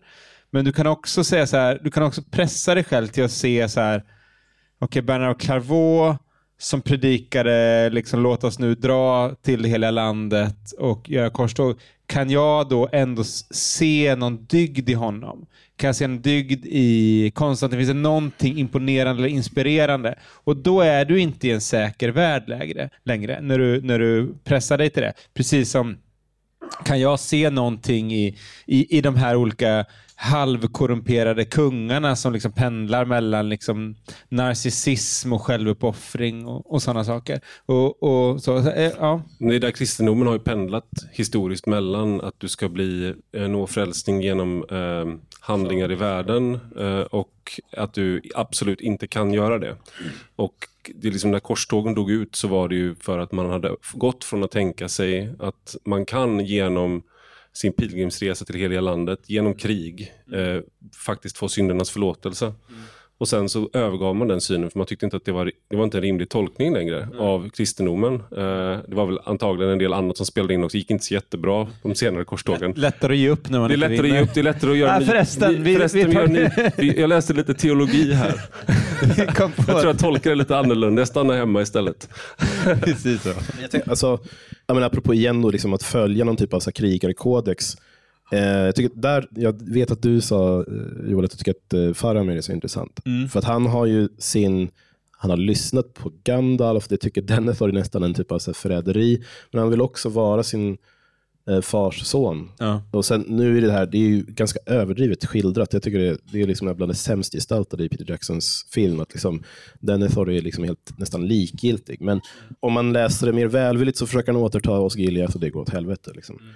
Men där hade ju kanske någon som ändå var, liksom, var fri att få välja lite mer hur han hade jag tror Faramir hade valt att ta den fighten på ett annat sätt. Eller han kanske hade varit, han är ju cool med att följa med Aragorn eh, till svarta portarna till exempel. Ja, men, men, men, men, också det här med igen de här uh, små, att leta efter de små. Jag tänker liksom att till och med Linus som sitter här i publiken frågade lite om dvärgarna. Vi har inte pratat så mycket om dvärgarna. Jag älskade dvärgarna när jag var liten. Jag gör det fortfarande. Han, han går ju, Gandalf går också liksom och tar en bärs med Torin. Och bara i det här lilla.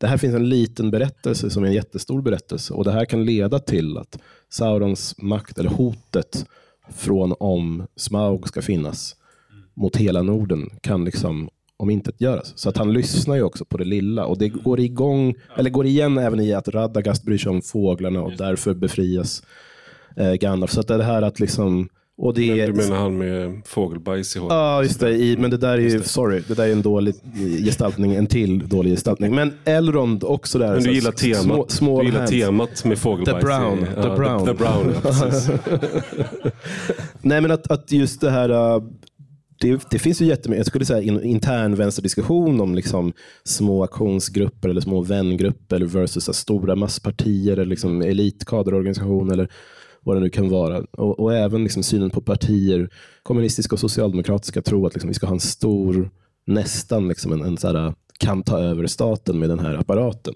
versus vi vill skapa makt på andra plan. Liksom. Jag tänkte vi ska ha ett litet spårbyte nu, för nu eh, jag tänker på eh, Tolkiens ehm, Alltså hur det ens var möjligt för honom att skriva det här. För att vi har ju pratat om modernismen som bröt ner då många av de här sammanhållna perspektiven. Det blev omöjligt att skriva poesi, sa någon efter, jag kommer inte ihåg vem det var nu, efter förintelsen. Eh, och man har liksom, ganska nyligen dog en konstnär som heter Kristoffer Rådlund som har varit en del av en rörelse där man målar figurativt, alltså där man av, avbildande konst och man söker det sköna.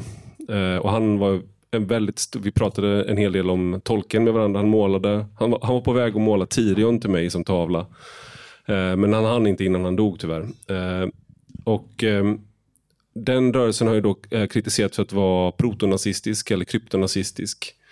Eh, samma sak när man ställde ut eh, Skagenmåleri eh, för typ tio år sedan nu så, så var det också väldigt många som problematiserade det just för att man byggde upp de här starka ståtliga fiskartyperna som man såg dem som förlagor till nazism och fascism och de här typerna. Och att man liksom har rört sig bort från det i den, i den eh, moderna, alltså, modernistiska konsten, eh, idealen man har försökt i postmodernismen, man ska bryta ner, man ska bryta ner de stora berättelserna och allt det där. Men samtidigt tänker jag liksom att under hela den här tiden så har det funnits eh, så här, pojkböcker med äventyr. Eh, det har funnits eh, även eh, Howard som skrev om Konan Barbaren, den typen av berättelser. Eh, skräckberättelser, palp, alltså hela serietidningsvågen som hela tiden har funnits där fast inte har varit lika, haft samma status. Men nu så är det ju hela populärkulturen domineras ju av hjältar. Alltså, jag älskade det när det kom och nu är jag så trött på... Alltså, jag orkar Marvel. inte med en enda till, liksom, eh, någon med mantel som fladdrar. Och jag trodde aldrig jag skulle säga det, för jag tyckte det var fantastiskt när det började komma. Men nu tycker jag det är liksom det mest... Men, men har vi bytt nu då? Har vi, Ja. har vi gått över? Nu, och nu liksom, när jag kommer ihåg när eh, Sagan om ringen-filmerna kom, det var ju otroligt stort eftersom man läst böckerna. Och nu så gör Amazon den dyraste tv-serien någonsin. Den här skitserien då som vi har pratat om ikväll. Men är inte det, alltså, jag tycker att om man ska liksom lägga liksom ett Tolkiens raster på politiken så, så är ju en av de stora lärdomarna att så här, mörkret finns hela tiden nära var och en av oss. Den är inte liksom, du kan inte förlägga frestelsen, är- lockelsen hela tiden att Det lägga... här var inte alls ett svar på det jag sa. Jo, det- du det hade kom- bara bestämt det- dig för det- att prata det- om någonting helt det, annat. kom, det kommer, det kommer, nu kommer du säga Gud inom i fem sekunder också. Det kommer också. Eh, och, och, men vi tenderar att liksom lägga saker och ting liksom en bit bort och säga att mörkret är där, jag, jag är, är god. Liksom. Och det som, det som Tolkien gör är att han hela tiden jobbar liksom med de, liksom det här komplicerade, att han har de här hjälteberättelserna Uh, å ena sidan.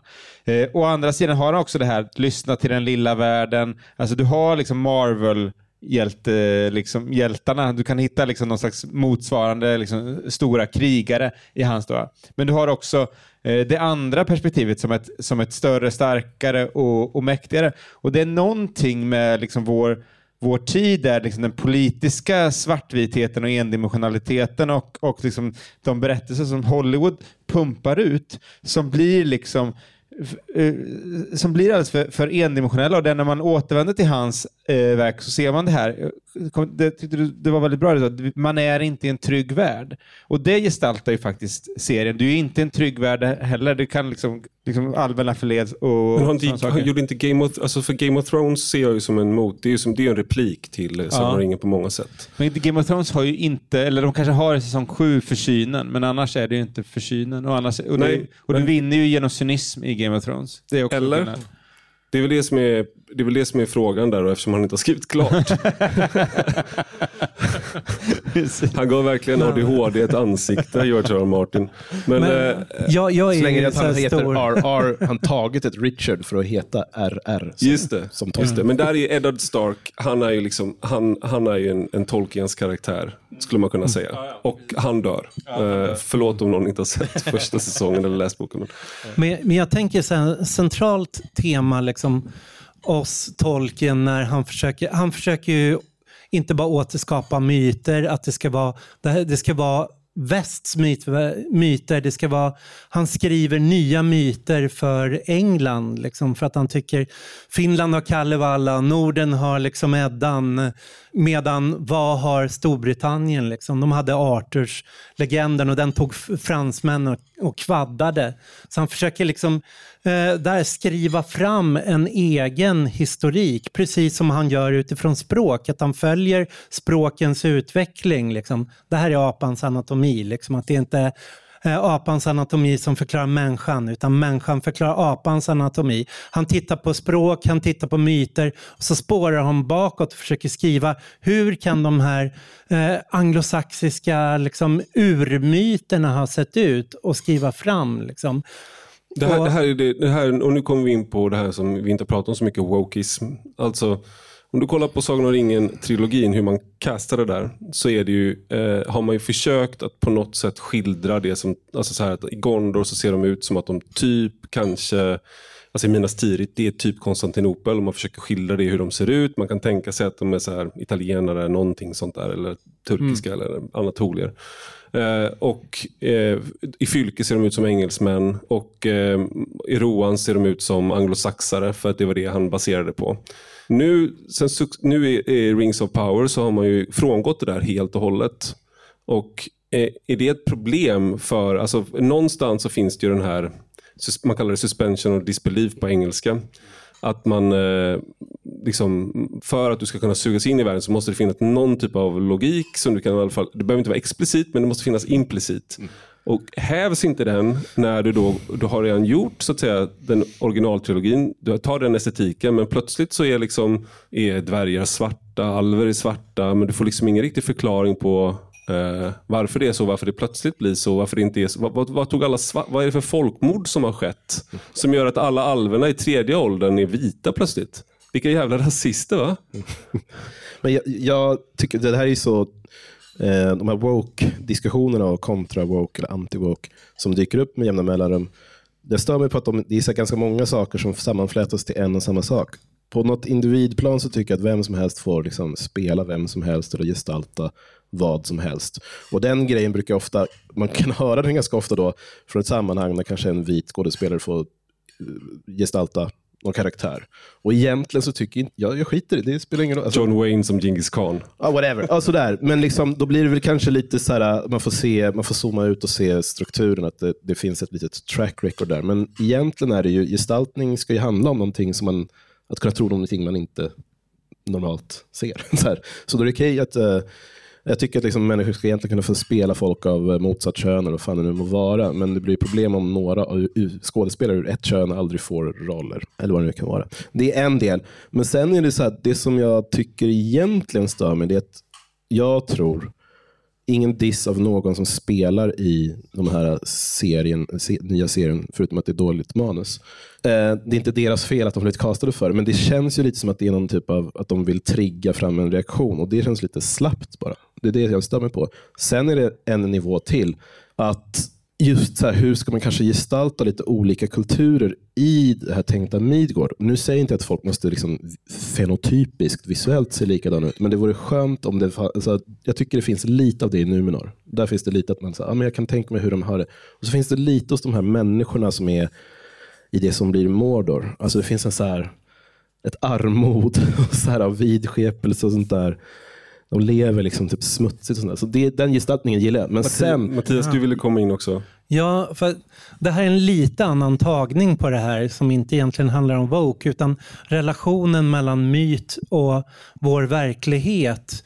Eh, vad som invaderar vad. För att oss tolken, så, när han skriver den här On Fairy Tales om sagor så säger han men eh, bakom de här sagoberättelserna om feer och sånt så finns det en föreställning liksom om ett alvrike, att någonstans bredvid människorna så finns en annan värld, en magisk värld som är nära oss. Vi kan gå dit, vi kan nå dit. Inte fejk genom drömmar eller maskiner, tidsresor, utan den ligger där borta, någonting vi inte kan förklara. Och det är liksom grunden i det han börjar skriva om.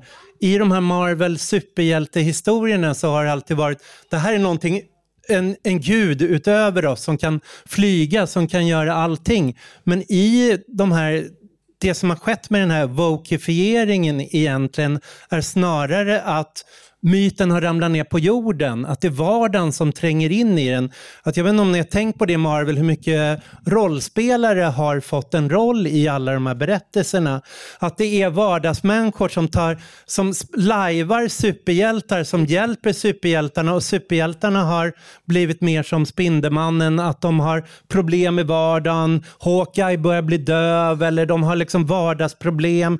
De har alla de här liksom, eh, svårt att få in pengar. Och helt plötsligt så har det där rollspelandet, eh, vanliga människor som blir hjältar och hjältarna, det har flyttit samman. Och även hur rollspelandet någonstans, tolken har ju blivit en levande myt där, som är grunden för alla rollspel, för allt sånt, där hela den här fankulturen är med och skapar, som har flyttat in och är som, jag känner så mycket, så känner jag liksom med när jag sett Mandalorian och de, jag gillar de nya Star Wars, men det är folk som har lekt med Star Wars-figurerna när de var små och de vill gå in och själva göra de här lekarna. Det är därför så här, Boba Fett får en jättestor roll. Det är helt absurt. Det är liksom en, en kille som nästan är en robot som ska hitta på en historia. Det är, är fullkomligt det- absurt. Och det här är... Det, det är helt, det är liksom, vår generation måste ju bli vuxna. Alltså det, det kan ju inte fortsätta så här. Hur många liksom sådana här tv-serier ska man slösa pengar på? Men eh, jag tänkte på det, men det, det, det, man bryter ju, ner- alla de här är någonstans att man bryter ner då eh, vad det innebär att vara hjälte. Det är egentligen att inte vara hjälte. Alltså, väldigt mycket av det här, man, det är som man utforskar. Eller det helt. alla är hjältar. Det är Eller ju alla- liksom alla demokratisering hjältar. av hjältar. Mm. Eh, men eh, ja, jag skulle ändå vilja stanna kvar i det här med, med woke, wokeismen lite grann. I att man eh, gör man liksom har ett manus för vilka karaktärer som ska få göra vad. Också. Det tycker jag också man ser i Rings of Power. Att du har ju Galadriel, hon är ju en girlboss. Liksom. Hon är så jävla tuff alltså. Hon är hälften så stor som alla, men hon är en jätte, jätteduktig krigare. Direkt. Eh, Hon är superbra, hon är en superhjälte. Liksom. Även om hon har väl mantel en del också. Va? Men i, i alla fall, hon är ju en riktig superhjälte i bemärkelsen att hon helt oförklarligt är så mycket bättre än alla andra. Och alla de manliga karaktärerna är liksom den enda som är lite sympatisk. Det är Sauron. Och han visar sig vara ond i sista avsnittet då. Eh, och det där är ganska symptomatiskt skulle jag säga för hur vi försöker att skildra kön för det första. Att man tänker sig att man ska göra en girlboss för att det är så här stärker kanske kvinn, att med ett starkt kvinnoporträtt. Men det man egentligen gör är att du plattar till och gör eh, henne mer orelaterbar på grund av det. Det tydligaste exemplet på det är ju Star Wars där Luke Skywalkers dotter då, eh, är det väl va? Eh, Palpatins dotter. Just det, alltså hjälten i, den kvinnliga hjälten där. Ray. Ray. Men, Eh, men fortsätt gärna med din analys av någonting du uppenbart inte har sett. Jag har sett. Precis. Hon som ger svärdet till Luke. Eh, hon får ju ingen Hero's Journey. Hon är ju, direkt kan hon mäta sig med, med han från Girls. Kylo Ren. Kylo Ren. Den har du sett. så, direkt så kan hon gå upp mot den ondaste. Och, och, och det, det är Och liksom det är ju för att hon är, och det är, när för att hon är Luke gör- tjej. ja, och det är för att hon är Luke tjej. gör Och det är, det är, för Luke Skywalker är ju... Han blir ju slaktad Ja. i två stycken filmer. Ja. Eh, han klarar inte att stå emot eh, liksom Anakin och, och, och, och, och, och, så- och så ska det vara. För att det är att respektera liksom, att han har en ark. Problemet med, med, med när man, när man liksom, där han går, där han får växa och möta sina demoner och göra upp med det och så vidare. Och så vidare. Eh, problemet när man tar de här kvinnoporträtten och säger bara, nu ska vi göra en stark kvinnoporträtt, du får, de får ingen ark. Eh, så att de blir bara liksom platta figurer. Och det här anknyter egentligen till det som eh, nu blir helt obegripligt när man lägger ut det här som podd. Eh, men det förra som ni var inne på i läsarpodden, där ni utgick ifrån Katrin Marsals spaning Ja. om att killar eller män har de här episka berättelserna och tjejerna har relationsdrama. Man, man försöker ju att skapa en episk berättelse för en annan typ av karaktärer. Men jag skulle säga att det blir, man, man missförstår vad styrka är. Så det är på, något, på något märkligt sätt här så är det en extremt otolkiansk karaktär. Men det är också hon, hon är egentligen hon är den här hybrisen, Galadriel. Hon är hybrisen, hon är den här arrogansen, hon är otrevlig, hon är osympatisk på ett sätt som jag, jag tror att om tolken såg den karaktären, den skillnaden, kanske tror jag inte att han skulle känna igen sin egen skapelse. och just för att... Blipa det- ut namnet Galadriel. Vem är det här? Ja, precis. Men, men hon, för, hon skildras på ett sånt sätt, så hon, hon erbjuds ingen eh, character arc och hon får inte heller eh, Alltså, den bilden av styrka, det är den mest fascist, om man ska gå in på fascism, så är det den mest fascistiska karaktären i, Ja, i, någon, i någon av de här. Sauron är ju mer sympatisk. Än så länge. Mm. Nej, men det, det här är ju... Du, du, du, alltså, när, när, om du, du, du, klassisk liksom pendelkörning. Från att, säga, från att inte ge, ge de kvinnliga karaktärerna liksom någon, någon roll alls till att liksom servera dem färdigbakade. Och det, det, det är typiskt liksom för, för när, när du liksom inser att ah, vi har gjort fel i några tusen år här. Så nu ska vi kompensera det. Eh, du måste liksom, det du ska göra är att liksom, Galadriel ska och, och Ray och, och, och, alla de här, de ska få liksom växa som människor, bli komplexa gestalter. Jag vill bara ändå, alltså jag håller ju med om den beskrivningen av Galadriel, men jag tycker att det är, den plattheten finns tyvärr hos, hos alla. Det är bara att hon är liksom ja, bossen. Så det är ju, Girlbossen. Ja, precis. Men eh, med, med allt det där sagt så tycker jag väl också att Alltså Tolkien hade ju gått i bitar just därför att så här, men jag sa rör inte Silmarillion, så hittar de ett loophole och tar liksom lite så här, små smulor och knyter ihop någonting. Och då blir det, om vi nu vill ha en ark, den arken finns ju i Silmarillion, men den kan man inte visa. Så det, blir, alltså det är bakbundet på så många konstiga olika sätt. Liksom.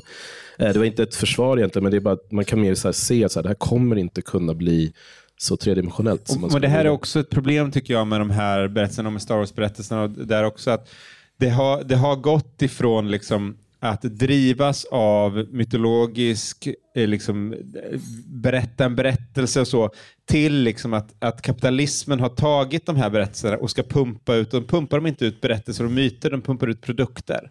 Eh, och vi får de här Boba Fett och vi får de här Alltså jag var inne på Disney Plus häromdagen och, och man liksom bara häpnar hur mycket de försöker liksom mjölka ut. Eh, och, och, risken är väl att det här också, du tar en myt och så gör du en produkt, en vara av den och då får vi Rings of Power. Det är ju också en, en, ett, ett problem här. Jag som sagt gillar de typ tre eller fyra sista, men det är ändå, hade det varit vilken annan Alltså det är väl det här som är förklaringen. Eftersom de du, är, du är ett tomt skal utan själ. Tack. Eftersom de väljer, eftersom de väljer ett då, varumärke ska säga, som redan är etablerat, som är eh, Tolkiens universum, eh, eller mytvärld, då betyder det att jag kommer se mer än fyra avsnitt av en serie som jag tycker alla var helt värdelösa. Mm. För hade det varit random serie om vad som helst, så här, på ett sjukhus jag, eller men jag, jag skulle säga, jag har övergett, jag, jag har övergett eh, liksom Marvel, DC, jag har övergett alla de här genrerna, jag har övergett fantasy, sci-fi, all, allt sånt där. Jag kollar inte på Star Wars-grejer längre. Jag kollade, på, jag kollade på Rings of Power för att jag skulle vara här ikväll. Och den var skit. eh, och jag tror att det är just, jag, jag erkänner inte den som en del av kanon.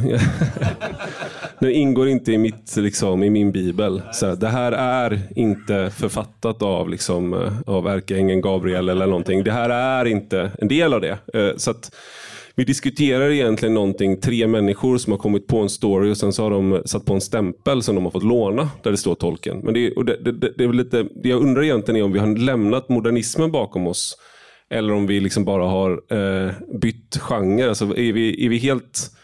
Eh, för nu är allting handlar om hjältar och det handlar om, eh, det är bara det att nu, det man får göra starka porträtt av, man får göra de här riktigt starka som är väldigt traditionella hjältar.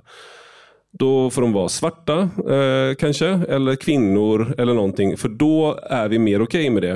Eh, Marvel är ändå många vita män, måste man säga. Sin beskärda del av dem. Ja, absolut. Ja. Men det är väl där man håller på. Man började väl där. Och ja. sen håller man på att lämna det nu så mycket man kan. Eller? Ja, om du börjar räkna igenom så, så har du nog de har jag faktiskt sett igenom, eh, jag ska inte räkna, men du har, du har Iron Man och Spiderman och Dare, ja, precis. Så du har en, en Captain America. Det här, är, Captain America. det här är problemet när man har slutat kolla på att, man, att, man, att man tar fel exempel. bara. men däremot så, jag, jag, tror verkligen på det här att det, det sker en slags demokratisering av superhjältar. Och då är det svårt, om superhjälten har varit den här nietzscheanska övermänniskan så blir det problem då när alla alla ska vara det och då gillar jag ju bättre den här Tolkiens lösning att det är den oväntade hjälten, att hjälten är inte den du tror är som, som har, som har sitt, snarare den som har alla förutsättningar att vara stor, stark och modig. Eh, kanske är, har lättare att korrumperas än den här lilla som man inte, Aragorn, inte räknar med. Bara som ett motexempel där, så Aragorn i böckerna är ju väldigt självsäker. Och han vill bli kung. Det är inte som i filmerna. Och han blir kung. Och han gör de här sakerna som han ska. Och han, han, han egentligen klarar allting han ska klara. Och Aragorn, Son of Arathon är typ det man har läst flest gånger. ja. men, men, men jag vill bara, ska men bara säga, han, ta upp som ett motexempel jo, i den här genren. Ska jag säga Bat, Batman, eh, om vi då håller oss ah. kvar i nörderiet. Så är Batman-trilogin som, eh, som kom för, nu är det ganska länge sedan, men han är ju, han är ju liksom en eh, en mer, vad ska man säga, eh, Ja, eh, men också en, en, hjälte på ett annat sätt. Han är inte en Spiderman. Han är inte en sån där som man bryter ner, utan han är ju en, en, en rik, eh, han är liksom affärsman, han är liksom stenrik. Han tar lagen i sina egna händer. Och i tredje filmen så är den eh, skurken där egentligen Bane. Han är ju den som väljer bort ringen. När han lägger handen på, liksom, han, han är köpt av kapitalet då.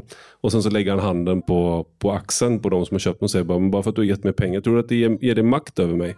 Så han är den som kastar bort ringen, kan man säga. Ja. Men, men det är han som är skurken och det är Batman som återställer ordningen genom att ställa sig över lagen. Men han ger inte bort sina pengar. Men vad är den baserad på då? Den är ju baserad på Charles Dickens två städer som handlar om London och Paris och franska revolutionen. Så att det är ju den som är tagen. Så att det var ju samtidigt som Occupy Wall Street, så att Bane är ju som...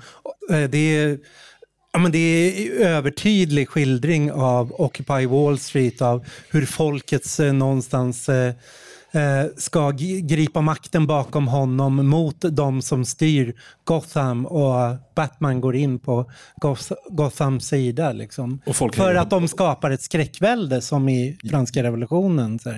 Har vi löst grundfrågan om tolken är höger? Alltså, hur är en... Hur, jag, jag, jag, har läst att... Är kristendomen höger eller vänster? ja, det, det, det blir nästa... För, för, det är väl, för det är väl egentligen det som är grundfrågan. Ja. Alltså, om, om du kan, om du kan liksom vara kristen och höger, eller om du kan vara kristen och vänster. Men jag, jag tror Tolkienpodden, de, jag, har ju, jag älskar Tolkienpodden men jag har varit så trött på att de aldrig vågar röra vid det politiska. Så nu har ju vi de, svängt de åt andra in, De var inbjudna hit men de ville mm. inte vara med för att det Nej. var för politiskt. Ja. Men det, ja, det... Och då, ja, men då ändå i förra avsnittet så vågade de faktiskt peta lite efter en lyssnarfråga där de pratade om William Morris, den här utopiska frihetliga socialisten som Tolkien hämtade mycket inspiration från. Han undervisade på Oxford långt innan Tolkien. Och, och så diskuterade de vad är skillnaden på den frihetliga kommunism som William Morris står för.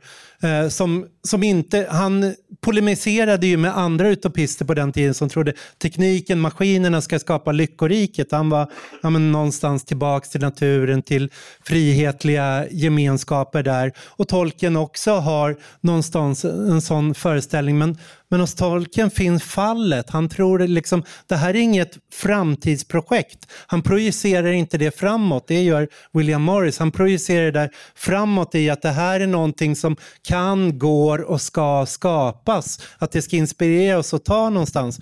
Hos Tolkien finns ingenting alls där och det är väl Nej. det som är kanske det som jag känner där han inte är vänster. Det finns inget... Ingen hopp, men han är så, så, någon har sagt att han är så reaktionär att han blir progressiv. Och det tycker jag stämmer ganska bra. Alltså han är, han är, Funkar åt andra hållet också. så progressiv, kanske. Ja, kanske. Men, men han liksom så här, det är tydligast i relationen till naturen då. Eh, att, att han är liksom så här, mot maskiner, framsteg, eh, fabriker och sådana saker. Det är en reaktionär impuls hos honom att vara emot det. Men det blir ju liksom klimatprogressivt nu i hans, liksom, att han tidigt har den här uppmärksamheten på eh, miljöförstöring och sådana saker. Jag tänker en till bit, alltså, han, hans syn på klass är nog det som sprätter massor. För att han i sin, alltså när han kom in på Oxford så var han ju liksom en, en uh, katt bland hermeliner. Mm. Och att han kom från att vara liksom uppvuxen på ett så här föräldra, eller så barnhem uh, och inte som de andra kom från liksom överhet. Mm. Så att han kunde liksom, jag tror att han, det är det som gör att han är lite unikum ideologiskt bland annat. Men när man ser hur han skriver om klass, han, skriver så här, han beskriver Smaugs raseri i Bilbo, då säger han liksom att här, det var den typen av ilska som bara väldigt rika människor får när någon tar någonting från dem som de egentligen inte har någon som helst användning för. Alltså han raljerar som om ty, överklass. Tyko i Karl-Bertil Jonssons ja, men, Lite så, och utan att säga att han är, liksom, han är inte kommunist för det, jag vill inte påstå det, men att han hatar eh, överklassen ganska mycket. Jag tror, alltså, jag, tror, jag tror, att den läsningen är, är lite överdriven med tanke på att eh, skillnaden mellan eh, Frodo och Sam eh, upprätthålls genom hela böckerna. Till slutet, då det är ändras det. För då... Väldigt tydligt i den tecknade filmen där de har gjort Den är inte. Sam till någon slags, eh, jag vet inte. Ja, det är comic relief. Ja, det... Ja. Jo, fast, fast den upphävs, men den upphävs i slutet. Ja, men, nej, men den är inte, jag skulle inte säga att den inte är upphävd. Han är fortfarande Master Frodo hela vägen. Jo, men Sam, de är friend friends. Alltså, det är inte så här, att han inte tjänar det längre. Skitsamma, det är inte den stora grejen tycker jag. Den stora grejen är väl liksom att han, han skriver ju också någon gång i koppling till, till första världskriget hur mycket han avskyr chefer. Att liksom 99 procent av alla som söker sig till chefsuppdrag är inte lämpade för det. Så att det är konstigt. Å ena sidan, han vill gärna ha hierarki som i en monark som står för en viss typ av ordning. Men människor som aspirerar på så här överhet, och ing- det är det värsta han vet. Liksom. Men sen från ett motsatt håll, jag lyssnade på Ehm, med så här intervjuer och ja, men dokumentär om honom på 60-talet när BBC hälsar på honom i, i, ehm, ja, i Oxford. Liksom. Och Då finns det ju någon så här medelklassvänster som tycker att han liksom håller på med någonting som är nonsens och sånt där. Och vi skriver liksom proletär eh, litteratur och de är ju allt annat än proletära sådär, i sin bakgrund. Och han är bara, alltså, han tar sig för pannan och liksom rycker på axlarna lite. Så att han, den vänstern kunde han ju inte heller på något sätt känna sig hemma i. Liksom. Så jag tror att den som försöker så här, ta tolken på något, säga att han hör till oss, den ljuger ju. Liksom. Tolken är, tolken är vår världs Tom Bombadil. Då. Ja, Han eller hör- typ han lavskägg eller, eller lavskägg eller någonting. Att han är så här, På tal om det Joel sa, så det finns i den här om sagor, on, on fairy tales, så går han in och pratar också om flykten, eskapismen, liksom, att varför det är en positivt. Liksom. Det behöver inte vara negativt att fly. Och där är ju också i hela det här moderna projektet, den världen, att någonstans att inte ställa upp, att inte vara med. Det är liksom som när Bartlebys I prefer not to. Att, och han säger att ja, men det här har också en eh, mörk sida när det blir reaktion av det här. Att man kanske till och med går ut och slår sönder tekniken, han blir ludist. Slår sönder maskinsystemen, slår sönder gatulyktorna. Så att det är ju det är inte den, alltid den konfrontativa vägen han väljer, utan undandragande. Det här eh, franska filosoferna Deleuze och Guattari, de säger fly, men medan du flyr, plocka upp ett vapen. Att det här är någon som slår sig ut med svärdet snarare än stormar makten, så, så hugger det ner de som hindrar honom att ta sig därifrån. Jag ska släppa in frågor. Jag vill bara säga att jag, även på den, bland konservativa så eh, finns ju en kritik mot tolken. Eh, just att, man, att en del som gillar tolken blir passiva i en kritik. Att det är liksom en del av den ny, nya kristna högern i, i, eh, i USA, eh, de tycker att eh, en del av den andra kristna högern, de tror på the long defeat precis som tolken och de, de säger nej, nej, nej, vi ska inte tro på någon long defeat här, vi ska vinna. Eh, och det där är då eh, väldigt eh, stötande för de som tror på the long defeat, att det inte finns en möjlighet att göra det i den här världen som kristen höger. Nu tänkte jag att vi ska släppa in frågor, om det är någon som har några. Ni vet den här känslan när man har sett ett Tolkien-maraton? Alla tre filmerna. Det är lite där vi är nu va? Ja, precis. Men man känner sig så nöjd efteråt. Så tänk på det. Men då, om det inte är någon som har någon fråga så rundar vi av nu. Stort tack för att ni kom hit ikväll. Tack. Tack. Och en extra applåd till Daniel och, och Nav som har skött allting det praktiska och serverat så fantastiskt. Stort tack till dig som har lyssnat. Gå gärna in och skriv en recension på Apple Podcasts eller i den app där du lyssnar på podden. Och detta är alltså en del av en större publikation på Substack med samma namn som podden. Och den som prenumererar där kan även ta del av de texter jag skriver. Gillar man det man läser och hör får man gärna bli betalande prenumerant för 5 euro i månaden eller 50 om året. Då får man ta del av lite exklusivt extra material också. Du hittar rubbet på ivararpi.se. Och har du några frågor eller synpunkter kan du alltid mejla mig på ivararpi substack.com. Vi hörs igen.